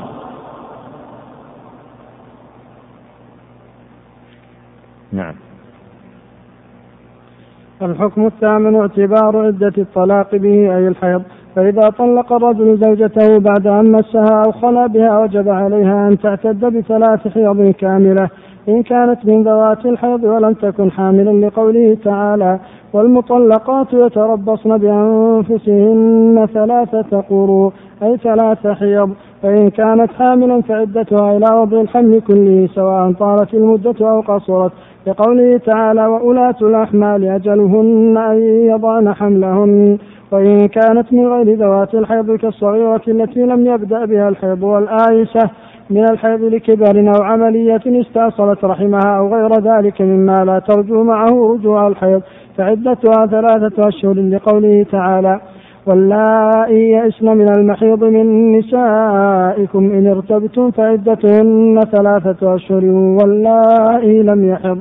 وإن كانت من ذوات الحيض لكن ارتفع حيضها لسبب معلوم كالمرض والرضا فإنها تبقى في العدة وإن طالت المدة حتى يعود الحيض فتعتد به. فإن زال السبب ولم يعد الحيض بأن برئت من المرض أو انتهت من الرضاع وبقي الحيض مرتفعا فإنها تعتد بسنة كاملة من زوال السبب. هذا هو القول الصحيح الذي ينطبق عليه القواعد الشرعية فإنه إذا زال السبب ولم يعد الحيض صارت كما كمن ارتفع حيضها لغير سبب معلوم وإذا ارتفع حيضها لغير سبب معلوم فإنها تعتد بسنة كاملة تسعة أشهر للحمل احتياطا لأنها غالب الحمل وثلاثة أشهر للعدة. أما إذا كان الطلاق بعد العقد وقبل المسيس والخلوة فليس فيه عدة إطلاقا لا بحيض ولا غيره لقوله تعالى يا أيها الذين آمنوا إذا نكحتم المؤمنات ثم طلقتموهن من قبل أن تمسوهن فما لكم فما لكم عليهن من عدة تعتدونها. ذكر المصنف رحمه الله تعالى هنا حكما ثامنا يتعلق بما يترتب على الحيض وهو اعتبار عدة الطلاق به. وأدخل رحمه الله تعالى هنا ما لا تعلق له بالحائض كعدة الحامل وغيرها. وتلخيص هذه المسألة أن يقال إن المطلقة التي تحيض لها حالان اثنان. أولهما أن يقع التطليق قبل الدخول والمسيس فيطلقها قبل أن يدخل بها أو يمسها. وحينئذ فليس عليها عدة أبدا. والحال الثانية أن يطلقها بعد الدخول بها.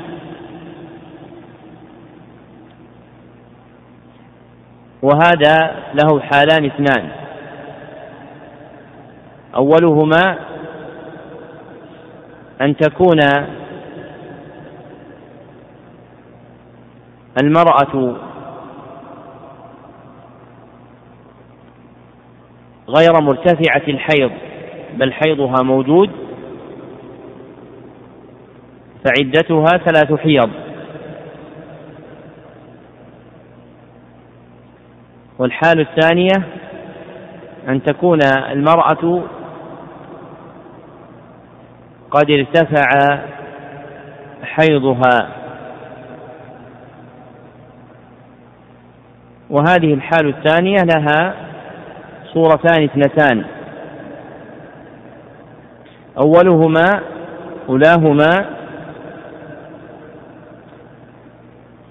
أن يكون سبب ارتفاعها أن يكون سبب ارتفاع حيض حيضها غير معلوم.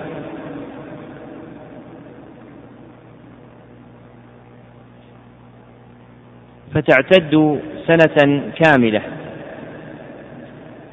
والصورة الثانية أن يكون سبب ارتفاع حيضها معلوما.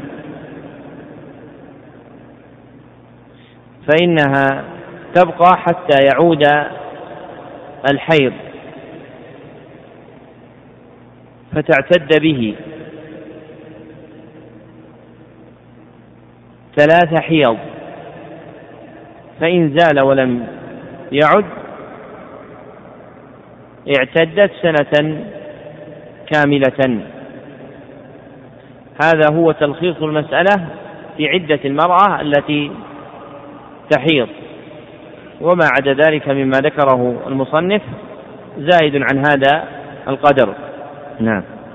الحكم التاسع الحكم ببراءة الرحم أي بخلوه من الحمل وهذا يحتاج إليه كل وهذا يحتاج إليه كل ما احتيج إلى الحكم ببراءة الرحم وله مسائل منها إذا مات شخص عن امرأة يرثه حملها وهي ذات زوج فإن زوجها لا يطأها حتى تحيض. أو يتبين حملها فإن تبين حملها حكمنا بإرثه لحكمنا بوجوده حين موت مورثه فإن حاضت حكمنا بعدم إرثه لحكمنا ببراءة الرحم بالحيض. ذكر المصنف رحمه الله تعالى هنا الحكم التاسع وهو الحكم ببراءة الرحم بخلوه خلوه من الحمل فإن المرأة إذا حاضت دل على عدم حيضها. فإذا احتيج إلى الحكم ببراءة الرحم نظر إلى حيض إلى حيض المرأة. ومثل المصنف رحمه الله تعالى ذلك لمن مات شخص عن امرأة يرثه حملها. كان يكون معصبا لغيره إذا وجد. فإن زوجها لا يطأها حتى تحيض. فيستبين بحيضها أنها ليست حامل لأنها قبل الحيض يحتمل أن يكون قد علق بها جنين فتكون حاملا ويكون وارثا لمن تعلق به الحكم من الموتى. نعم. الحكم العاشر وجوب, وجوب الغسل فيجب على الحائض إذا طهرت أن تغتسل بتطهير جميع البدن لقول النبي صلى الله عليه وسلم. لفاطمة بنت أبي حبيش فإذا أقبلت الحيضة فدع الصلاة وإذا أدبرت فاغتسلي وصلي رواه البخاري. وأقل واجب في الغسل أن تعم به جميع بدنها حتى ما تحت الشعر والأفضل أن يكون على صفة ما جاء به في الحديث عن النبي صلى الله عليه وسلم حيث سالته أسماء بنت شكل. عن غسل المحيض فقال عن غسل المحيض فقال صلى الله عليه وسلم تأخذ إحداكن ماءها وسدرتها فتطهر, فتطهر, فتطهر فتحسن الطهور ثم تصب على رأسها فتدلكه دلكا شديدا حتى تبلغ شؤون رأسها ثم تصب عليها الماء ثم تأخذ فرصة ممسكة. فرصة ممسكة أي قطعة قماش فيها مسك فتطهر بها. فقالت أسماء كيف تطهر بها؟ فقال سبحان الله فقالت عائشة لا تتبع تتبعين فتتبعين أثر الدم رواه مسلم. ولا يجب نقض شعر الرأس إلا أن يكون مشدودا بقوة بحيث لا يخشى بحيث يخشى أن لا يصل الماء وصوله لما في صحيح مسلم من حديث أم سلمة رضي الله عنها. سأل أنها سألت رسول الله صلى الله عليه وسلم فقالت إني امرأة أشد شعر رأسي أفأنقضه لغسل الجنابة؟ وفي رواية للحيضة والجنابة فقال لا إنما يكفيك أن أن تحفي على رأسك ثلاث حثيات ثم تفيضين عليك الماء فتطهرين. وإذا طهرت الحيض في أثناء وقت الصلاة وجب عليها أن تبادر بالاغتسال لتدرك أداء الصلاة في وقتها. فإن كانت في سفر وليس عندها ماء أو كان عندها ماء ولكن تخاف الضرر باستعماله أو كانت مريضة يضرها الماء فإنها تتيمم بدلا عن الاغتسال حتى يزول المانع ثم تغتسل وإن بعض النساء تطهر في أثناء الصلاة وتؤخر الاغتسال إلى وقت آخر. تقول لأنه لا يمكنها كمال التطهر في هذا الوقت ولكن هذا ليس بحجة ولا عذر لأنها يمكنها أن تقتصر على أقل الواجب في الغسل وتؤدي الصلاة في وقتها. ثم إذا حصل لها وقت ساعة تطهرت التطهر الكامل. ذكر المصنف رحمه الله تعالى هنا الحكم العاشر وهو الأخير. من الأحكام المرتبة على الحيض وهو وجوب الغسل فيجب على الحائض إذا طهرت أن تغتسل اغتسالا تطهر به للأمر بذلك في القرآن والسنة. والواجب على المرأة إذا اغتسلت أن تعم جميع بدنها ليحصل كمال التطهير له. وذكر المصنف رحمه الله تعالى أنه لا يجب نقض شعر الرأس إلا إذا كان مشدودا بقوة فإذا كان شعر المرأة مرسلا اغتسلت على تلك الحال وإذا كان مشدودا بقوة فهي تحتاج إلى نقضه ليصل الماء إلى أصول الشعر فيحصل تكميل الاغتسال. وإن كان ذكر الحيضة الذي وقع في رواية عند مسلم في هذا الحديث شاذ. فالمحفوظ بهذا الحديث أنه في غسل الجنابة دون الحيضة. ثم نبه المصنف إلى ما ينبغي على النساء من المبادرة إلى الاغتسال وإذا خافت الضرر أو كانت مريضة فإنها تتيمم بدلا عن ذلك. نعم. الفصل الخامس في الاستحاضة وأحكامها. الاستحاضة استمرار الدم على المرأة بحيث لا ينقطع عنها أبدا أو ينقطع عنها مدة يسيرة كاليوم واليومين في الشهر. فدليل الحالة الأولى التي لا ينقطع الدم فيها أبدا ما ثبت في صحيح البخاري عن عائشة رضي الله عنها قالت قالت فاطمة بنت أبي حبيش لرسول الله صلى الله عليه وسلم يا رسول الله إني لا أطهر وفي رواية أستحاض فلا أطهر. ودليل الحالة ودليل الحالة الثانية التي لا ينقطع الدم فيها إلا يسيرا حديث حمة بنت جحش حيث جاءت إلى النبي صلى الله عليه وسلم فقالت يا رسول الله إني استحاض حيضة كبيرة شديدة. الحديث رواه أحمد وأبو داود والترمذي وصححه ونقل عن ونقل ونقل عن الإمام أحمد تصحيحه وعن البخاري تحسينه. ذكر المصنف رحمه الله تعالى هنا فصلا في الاستحاضة وأحكامها وابتدأه بتعريف الاستحاضة. والاستحاضة هي دم فساد مستمر أو غالب يخرج من عرق العادل. دم فساد مستمر أو غالب يخرج من عرق العاذل فيدخل في هذا التعريف الحالان اللتان ذكرهما المصنف فإن المستحيضة إما أن لا ينقطع الدم أبدا عنها كما في الحديث الأول وإما أن ينقطع انقطاعا يسيرا كما في الحديث الثاني. نعم. أحوال المستحاضة. للمستحاضة ثلاث حالات الحالة الأولى أن يكون لها حيض معلوم قبل الاستحاضة. فهذه ترجع إلى مدة الحيض مدة حيضها المعلوم السابق فتجلس فيها ويثبت لها أحكام الحيض وما عداها استحاضة يثبت لها أحكام المستحاضة مثال ذلك امرأة كان يأتيها الحيض ستة أيام من أول كل شهر ثم طرأت عليها الاستحاضة فصار الدم يأتيها باستمرار فيكون حيضتها ستة أيام من أول كل شهر. وما عدا استحاضة لحديث عائشة رضي الله عنها أن فاطمة بنت أبي حبيش قالت يا رسول الله إني استحاض فلا أطور أفاده الصلاة. قال لا إن ذلك عرق ولكن دعي الصلاة قدر الأيام التي كنت تحيضين فيها.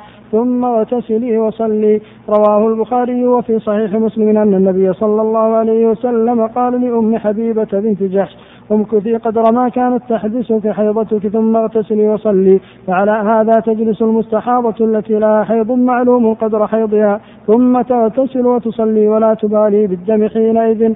الحالة الثانية أن لا يكون لها حيض معلوم قبل الاستحاضة وأن تكون الاستحاضة مستمرة بها من أول ما رأت الدم من أول أمرها فهذه تعمل بالتمييز.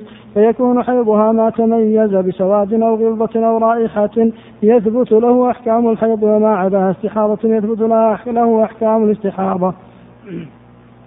مثال ذلك امرأة رأت الدم في أول ما رأته واستمر عليها لكن تراه عشرة أيام أسود وباقي الشهر أحمر أو تراه عشرة أيام غليظا وباقي الشهر رقيقا أو تراه عشرة أيام له رائحة الحيض وباقي الشهر لا رائحة له فحيضها.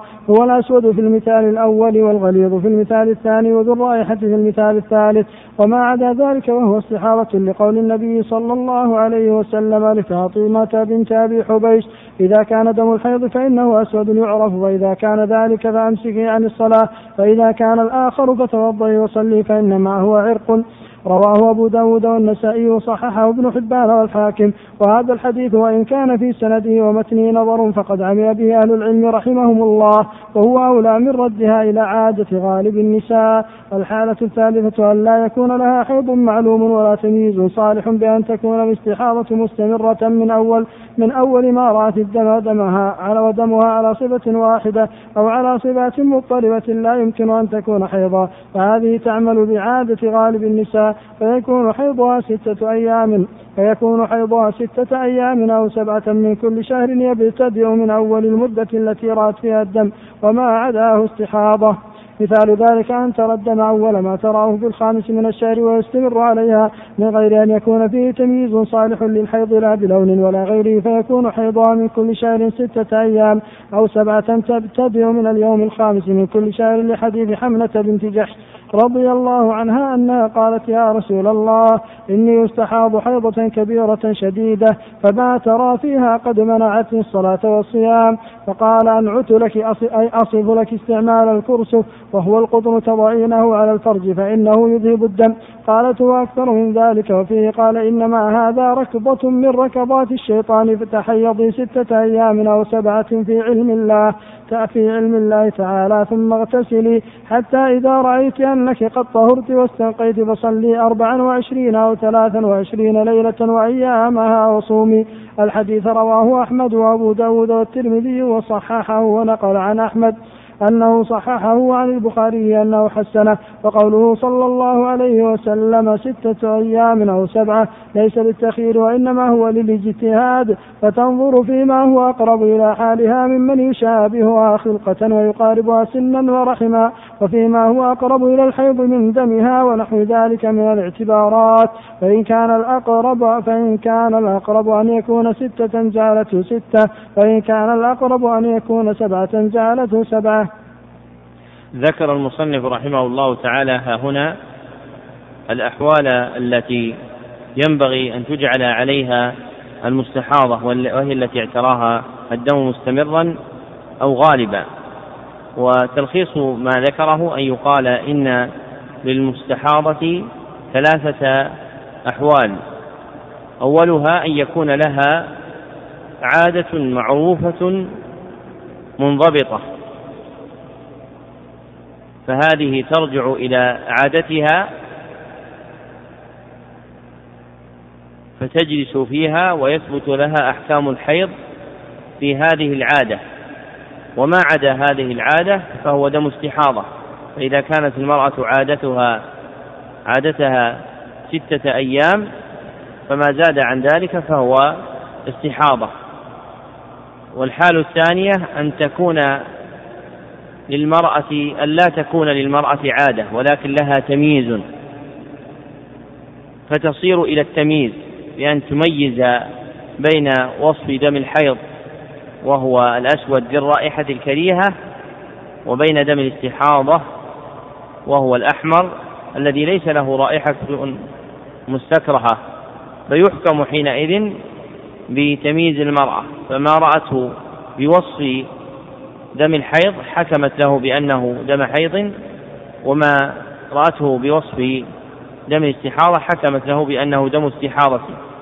والحال الثالثة أن لا يكون للمرأة عادة ولا تمييز فحينئذ تعمل بعادة غالب النساء ستة أيام أو سبعة أيام فتجتهد في تحديدها بالنظر إلى نساء بيتها.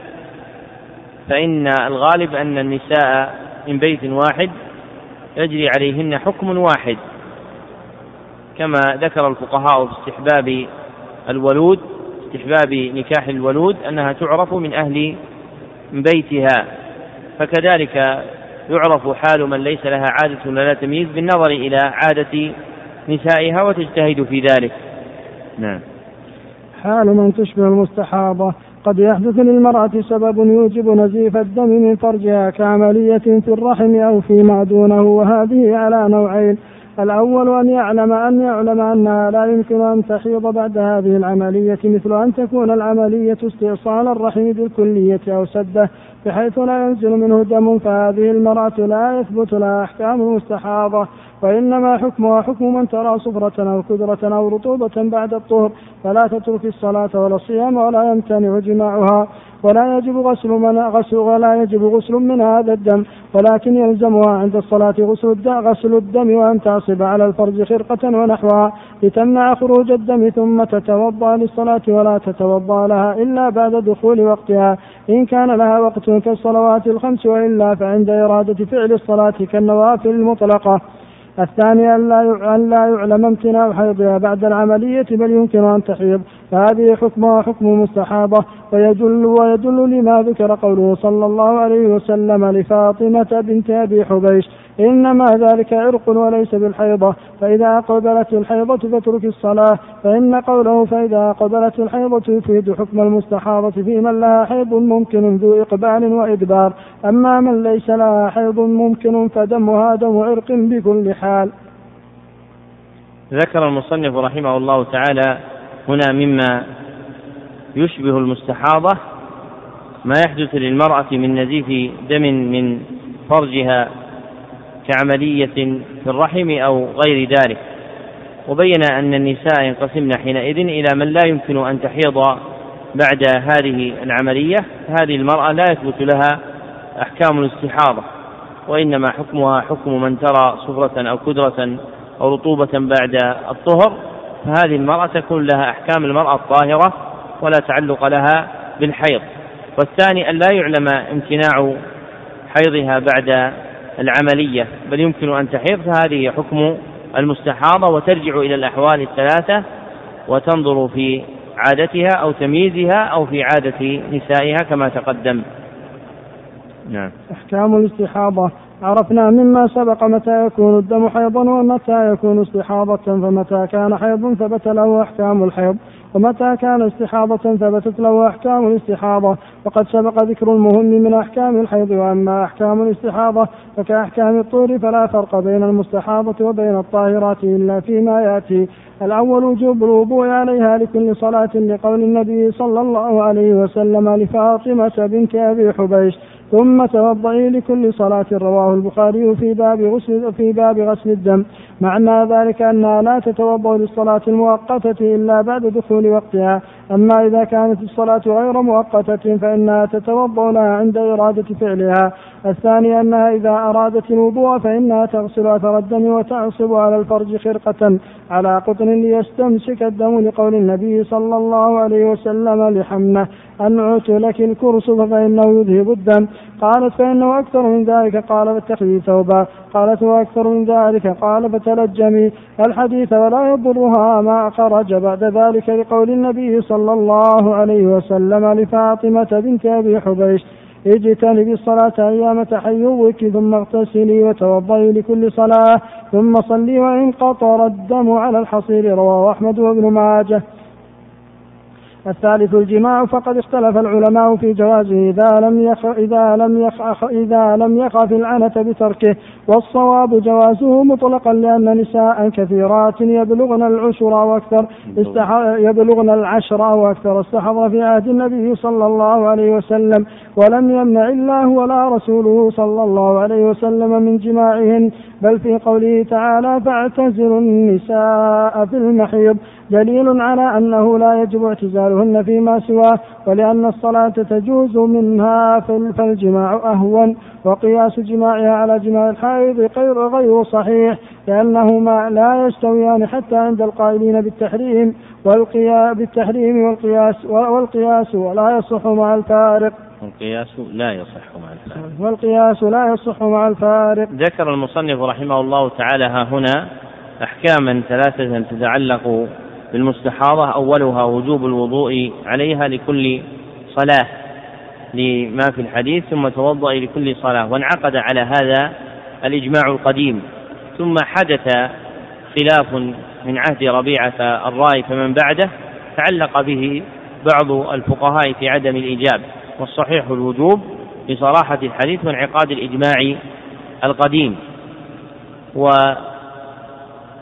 والحكم الثاني أنها إذا أرادت الوضوء يجب عليها أن تغسل أثر الدم وتعصب على الفرج خرقة على قطر يستمسك الدم. وثالثها ما يتعلق بالجماع والعلماء مختلفون فيه والصحيح جوازه وأن المستحاضة ليست كالحائض وإنما يمنع من وطئ الحائض وأما المستحاضة فليس في كلام الله ولا في كلام النبي صلى الله عليه وسلم ما يدل على المنع من إتيانها. نعم.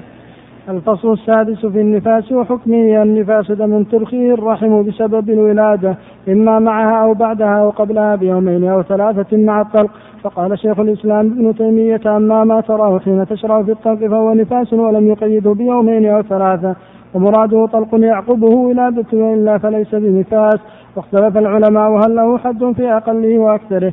قال الشيخ تقي الدين في رسالته في تقي الدين في رسالته في الأسماء التي علق الشارع الأحكام بها والنفاس لا حد لأقله ولا لأكثره فلو قدر أن امرأة رأت الدم أكثر من أربعين أو ستين أو سبعين وانقطع فهو نفاس لكن إن اتصل فهو دم فساد وحينئذ فالحد أربعون فإنه منتهى الغالب جاءت به الآثار انتهى.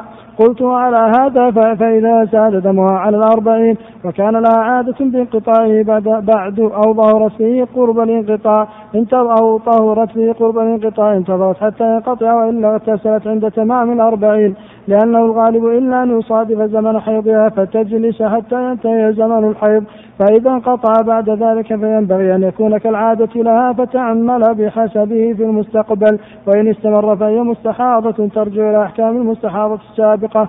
ولو طهرت من قطاع الدم عنها فهي طاهر ولو قبل الأربعين فتغتسل وتصلي وتصوم ويجامعها زوجها إلا أن يكون الانقطاع أقل من يوم فلا حكم له. قاله في المغني ولا يثبت النفاس إلا إذا وضعت ما تبين فيه خلق إنسان.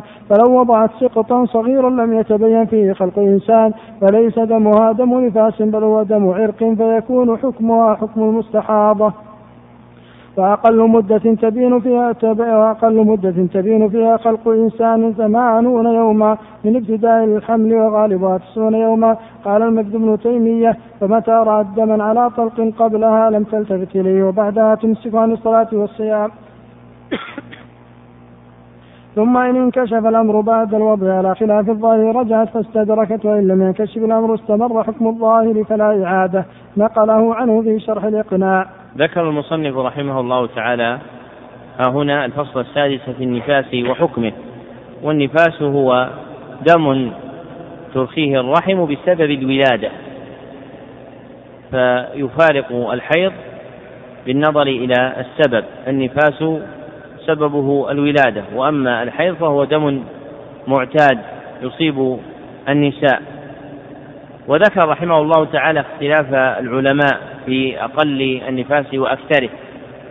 وذهب إلى الترجيح بأنه لا حد لأقله ولا لأكثره اتباعا لشيخ الإسلام ابن تيمية لعدم وجود ما يرجع إليه في ذلك. وهذا صحيح باعتبار أقله.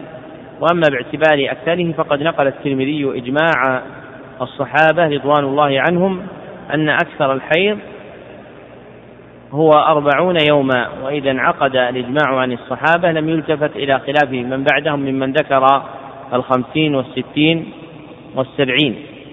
والصحيح أن أكثر النفاس هو أربعون يوما وأما أقله فإن المرأة قد تطهر فيما دون هذه المدة.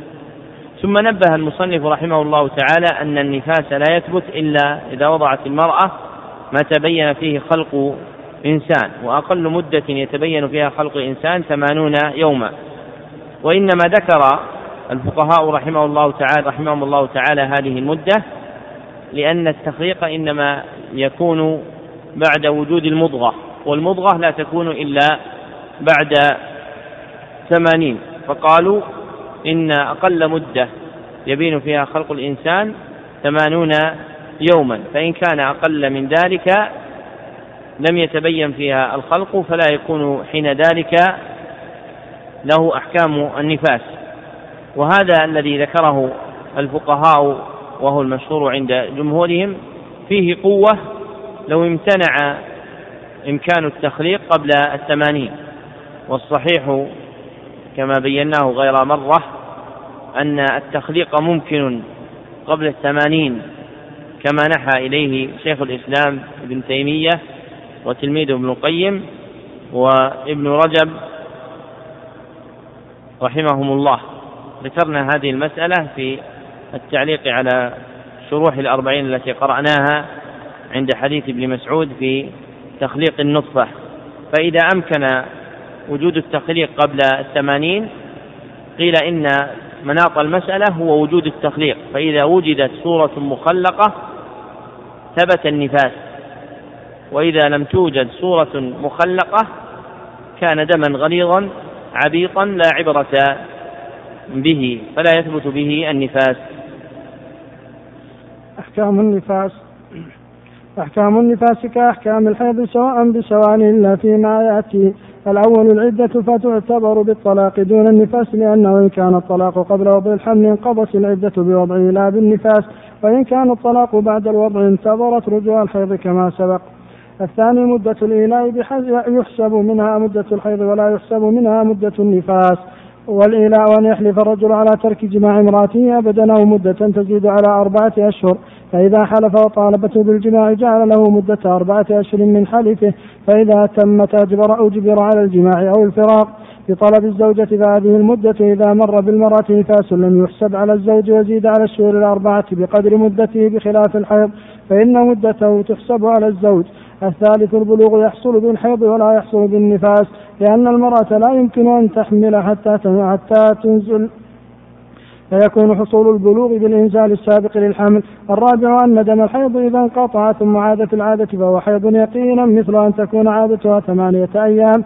فترى الحيض أربعة أيام ثم ينقطع يومين ثم يعود بالسابع والثامن.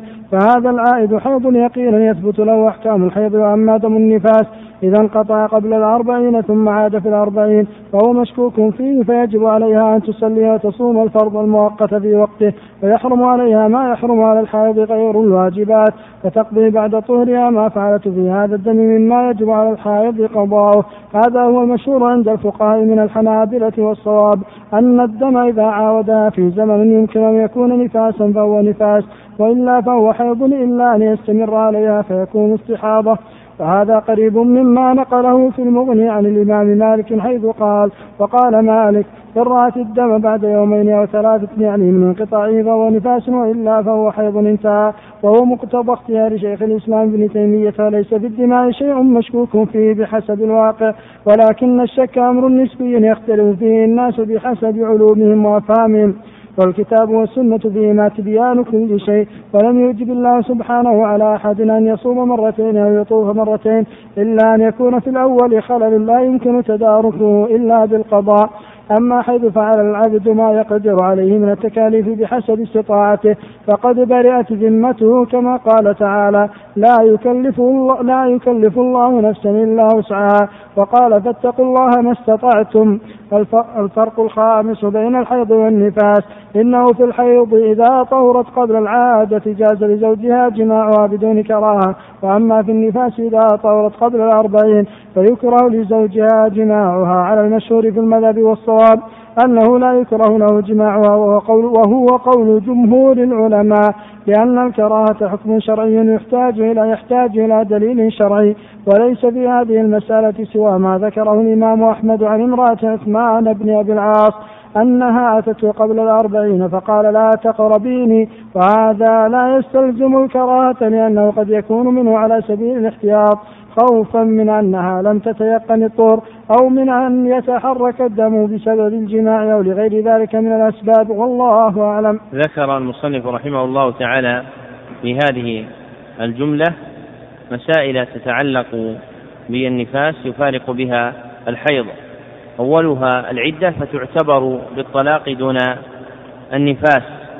لأنه إذا إن كان الطلاق قبل وضع الحمل انقطعت العدة بوضعه لأن الحامل تنقضي عدتها بوضعها لجنينها فإذا وضعته انقطعت عدتها وإذا كان تطليقها بعد الوضع فإنها تنتظر رجوع الحيض وتستقبل به العدة.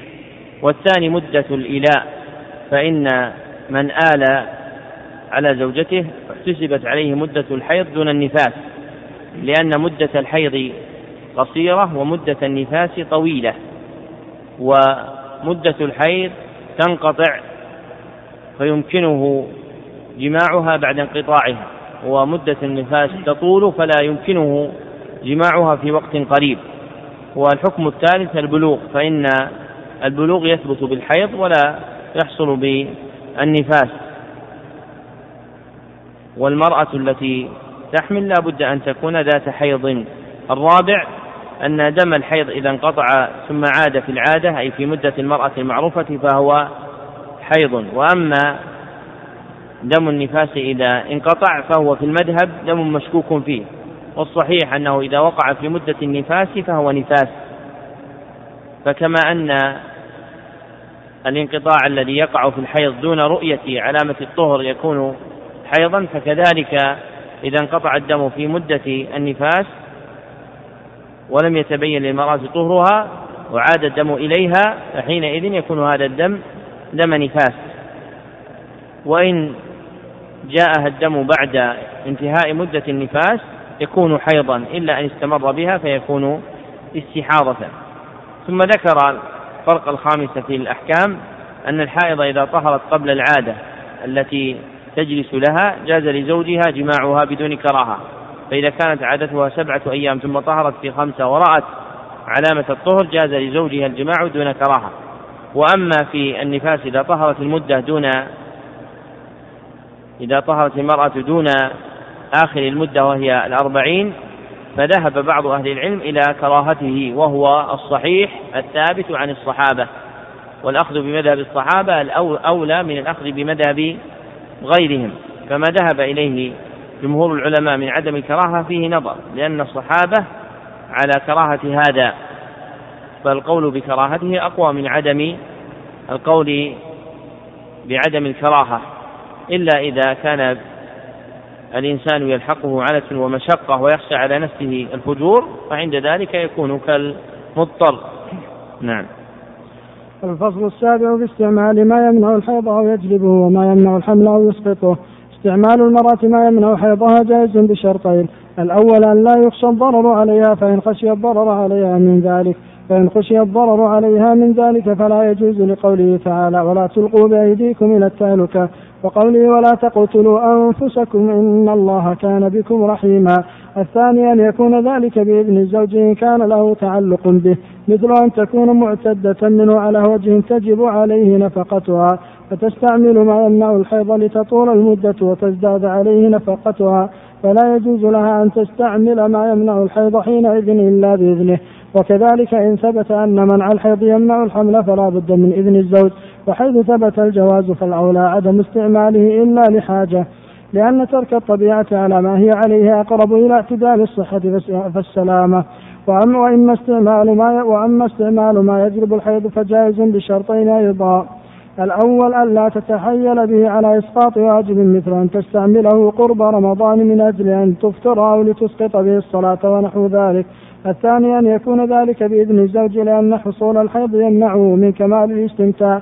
فلا يجوز استعمال ما يمنع حقه إلا برضاه. وإن كانت مطلقة فإن به تعجيل إسقاط حق الزوج من الرجعة إن كان له رجعة. وأما استعمال ما يمنع الحمل فعلى نوعين. الأول أن يمنعه منعا مستمرا فهذا لا يجوز لأنه يقطع الحمل فيقل النسل وهو خلاف مقصود الشارع من تكفير الأمة الإسلامية ولأنه لا يؤمن أن يموت أولادها الموجودون فتبقى أرملة لا أولاد لها. الثاني أن يمنعه منعا مؤقتا مثل أن تكون المرأة كثيرة الحمل والحمل يرهقها وتحب أن تنظم حملها كل سنتين مرة أو نحو ذلك. فهذا جائز بشرط أن يأذن به زوجها وأن لا يكون به ضرر عليها. ودليله أن الصحابة كانوا يعزلون عن نساء في عهد النبي صلى الله عليه وسلم.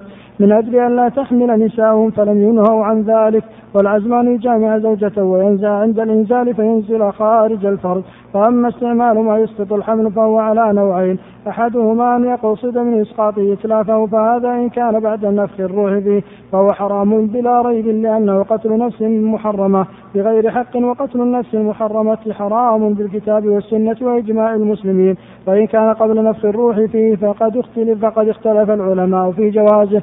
فمنهم من أجازه ومنهم من منعه ومنهم من قال يجوز ما لم يكن علقة أي ما لم يمضي عليه أربعون يوما.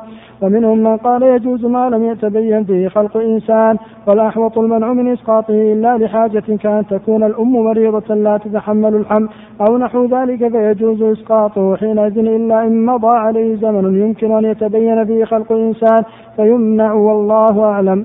النوع الثاني أن لا يقصد من إسقاطه إتلافه بأن تكون محاولة إسقاطه عند انتهاء مدة الحمل وقرب الوضع. فهذا جائز بشرط أن لا يكون في ذلك ضرر على الأم ولا على الولد وأن لا يحتاج الأمر إلى عملية فإن احتاج إلى عملية فله حالات أربع. الأولى أن تكون الأم حية والحمل حيا فلا تجوز العملية إلا للضرورة بأن تتعسر ولادتها فتحتاج إلى عملية وذلك لأن الجسم أمانة عند العبد. فلا يتصرف فيه بما يخشى منه إلا لمصلحة كبرى ولأنه ربما يظن أن لا ضرر في العملية فيحصل الضرر. الثانية أن تكون الأم ميتة والحمل ميتا فلا يجوز إجراء العملية الجراحية لإخراجه لعدم الفائدة. الثالثة أن تكون الأم حية والحمل ميتا فيجوز إجراء العملية لإخراجه إلا أن يخشى الضرر على الأم. لأن الظاهر والله أعلم أن والله أعلم أن الحمل إذا مات لا يكاد يخرج بدون العملية فاستمراره في بطنها يمنعها من الحمل المستقبل ويشق عليها وربما تبقى أيما إذا كانت معتدة من زوج سابق. الرابعة أن تكون الأم ميتة والحمل حيا فإن كان لا ترجى حياته لم يجز إجراء العملية وإن كانت ترجى فإن كان قد خرج بعضه شق شق بطن الأم لإخراج باقيه وإن لم يخرج منه شيء. فقد قال أصحابنا رحمهم الله لا يشق بطن الأم لإخراج الحمل لأن ذلك مثلة والصواب. إنه يشق أو الصواب أنه يشق البطن إن لم يمكن إخراجه بدونه. وهذا اختيار ابن هبيرة وهذا اختيار ابن هبيرة. قال في الإنصاف فهو أولى قلت ولا سيما في وقتنا هذا. فإن إجراء العملية ليس بمثلة لأنه يشق البطن ثم لأنه يشق البطن ثم يخاط.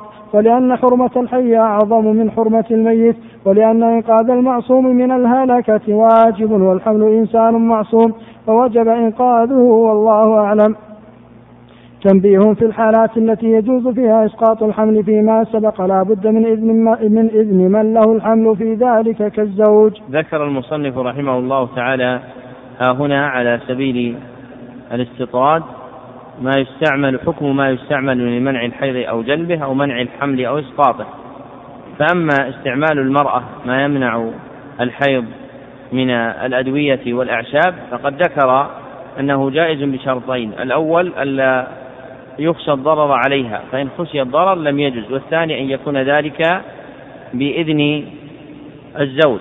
وهذا الذي ذكره المصنف وغيره من الفقهاء مبني على القواعد الفقهية.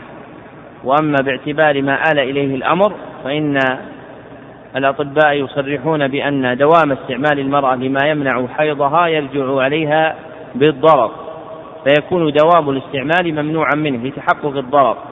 وأما استعمال المرأة ما يقطع حيضها حينا بعد حين بحسب ما يدعو إلى ذلك رغبتها في صيام رمضان فقط دون دوام استعماله في كل وقت فهذا يرجع إلى هذه المسألة. فإذا كان الضرر متحققا كدوام الاستعمال منع منه وإن كان غير متحقق رجع إلى هذين الشرطين.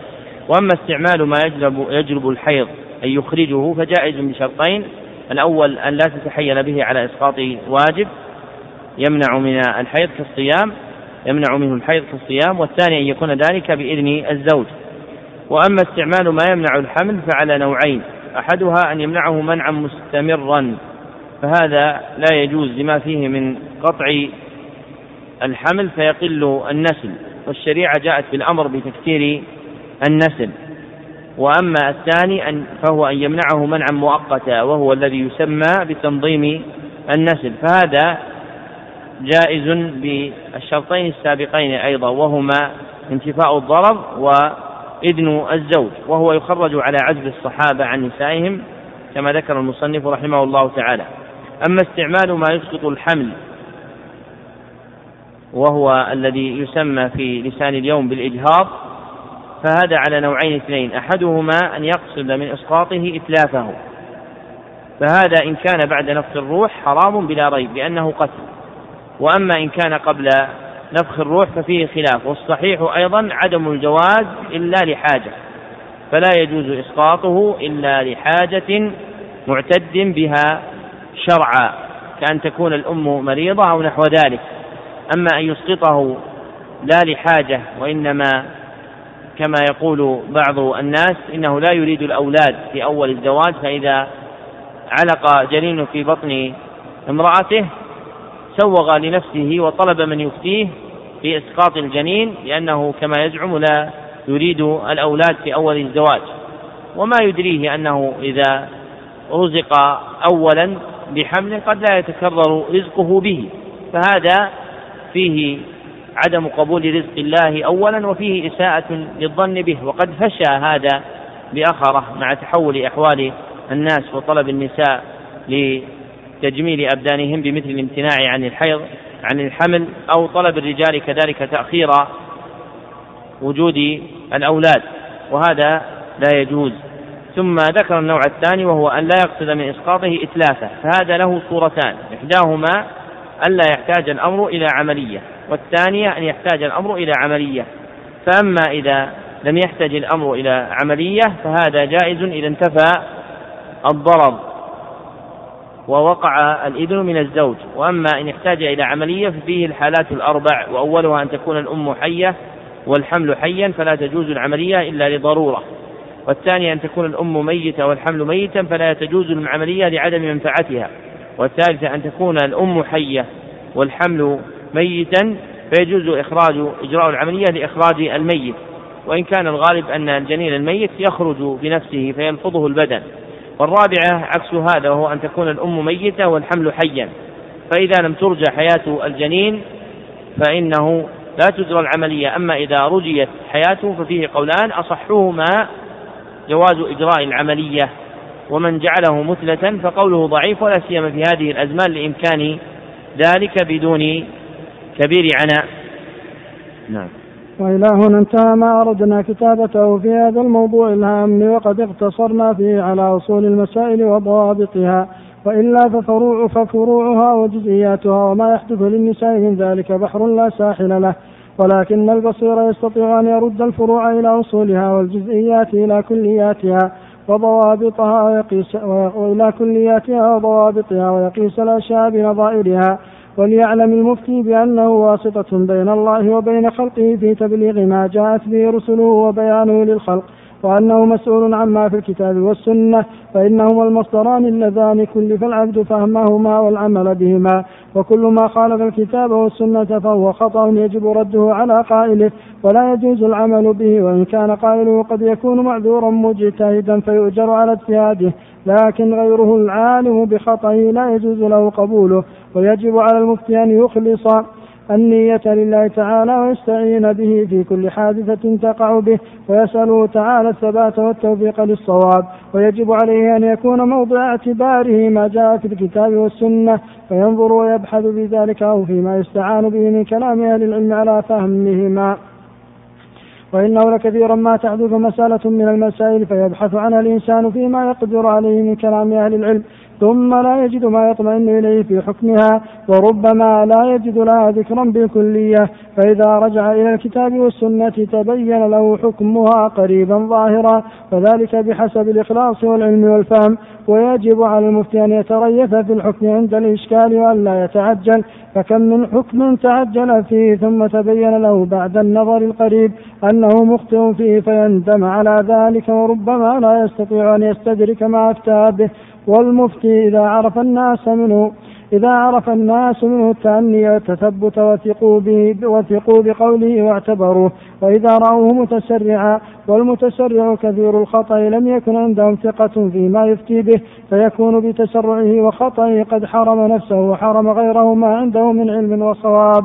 نسأل الله تعالى أن يهدينا وإخواننا المسلمين صراطه المستقيم وأن يتولانا بعنايته ويحفظنا من الزلل برعايته. إنه جواد كريم وصلى الله وسلم على نبينا محمد وعلى آله وصحبه أجمعين. والحمد لله الذي بنعمته تتم الصالحات تم بقلم الفقير إلى الله محمد الصالح العثيمين في ضحى يوم الجمعة الموافق الرابع عشر من شعبان سنة اثنتين وتسعين وثلاثمائة وألف. ختم المصنف رحمه, تعالى رحمه الله تعالى كتابه بالتنبيه إلى أن هذا الكتاب حوى أصول المسائل وضوابطها وأما فروعها وجزئياتها فإنها بحر لا ساحل له فإن ما يحدث للنساء في هذا الباب كثير متجدد باعتبار ما يعتريهن من العلل. ثم نبه إلى ما ينبغي أن يرعاه المفتي من النظر إلى نفسه بأنه مبين لحكم الله عز وجل وواسطة في تبليغهم الأحكام الشرعية فيجب عليه أن يعتمد على حكم الكتاب والسنة ولا يجوز له العمل بقول ضعيف لا يعرف له دليلا ولا سيما في الأحكام التي تتعلق بعموم الناس وأن يخلص لله عز وجل وأن يعتبر دلائل الكتاب والسنة ويستعين بكلام أهل العلم في فهمها وأن يجتهد في ذلك بحسب وسعه وأن يلازم التؤدة والتأني ويترك التعجل لأن في التؤدة إصابة وفي التعجل خطأ وإذا شهر الإنسان بالتأني والتثبت وثق الناس بقوله وإذا كان متسرعا كثر خطأه فترك الناس استفتاءهم. وهذا آخر التقريرات على هذا الدرس والله أعلم وصلى الله وسلم على عبده ورسوله محمد وآله وصحبه أجمعين.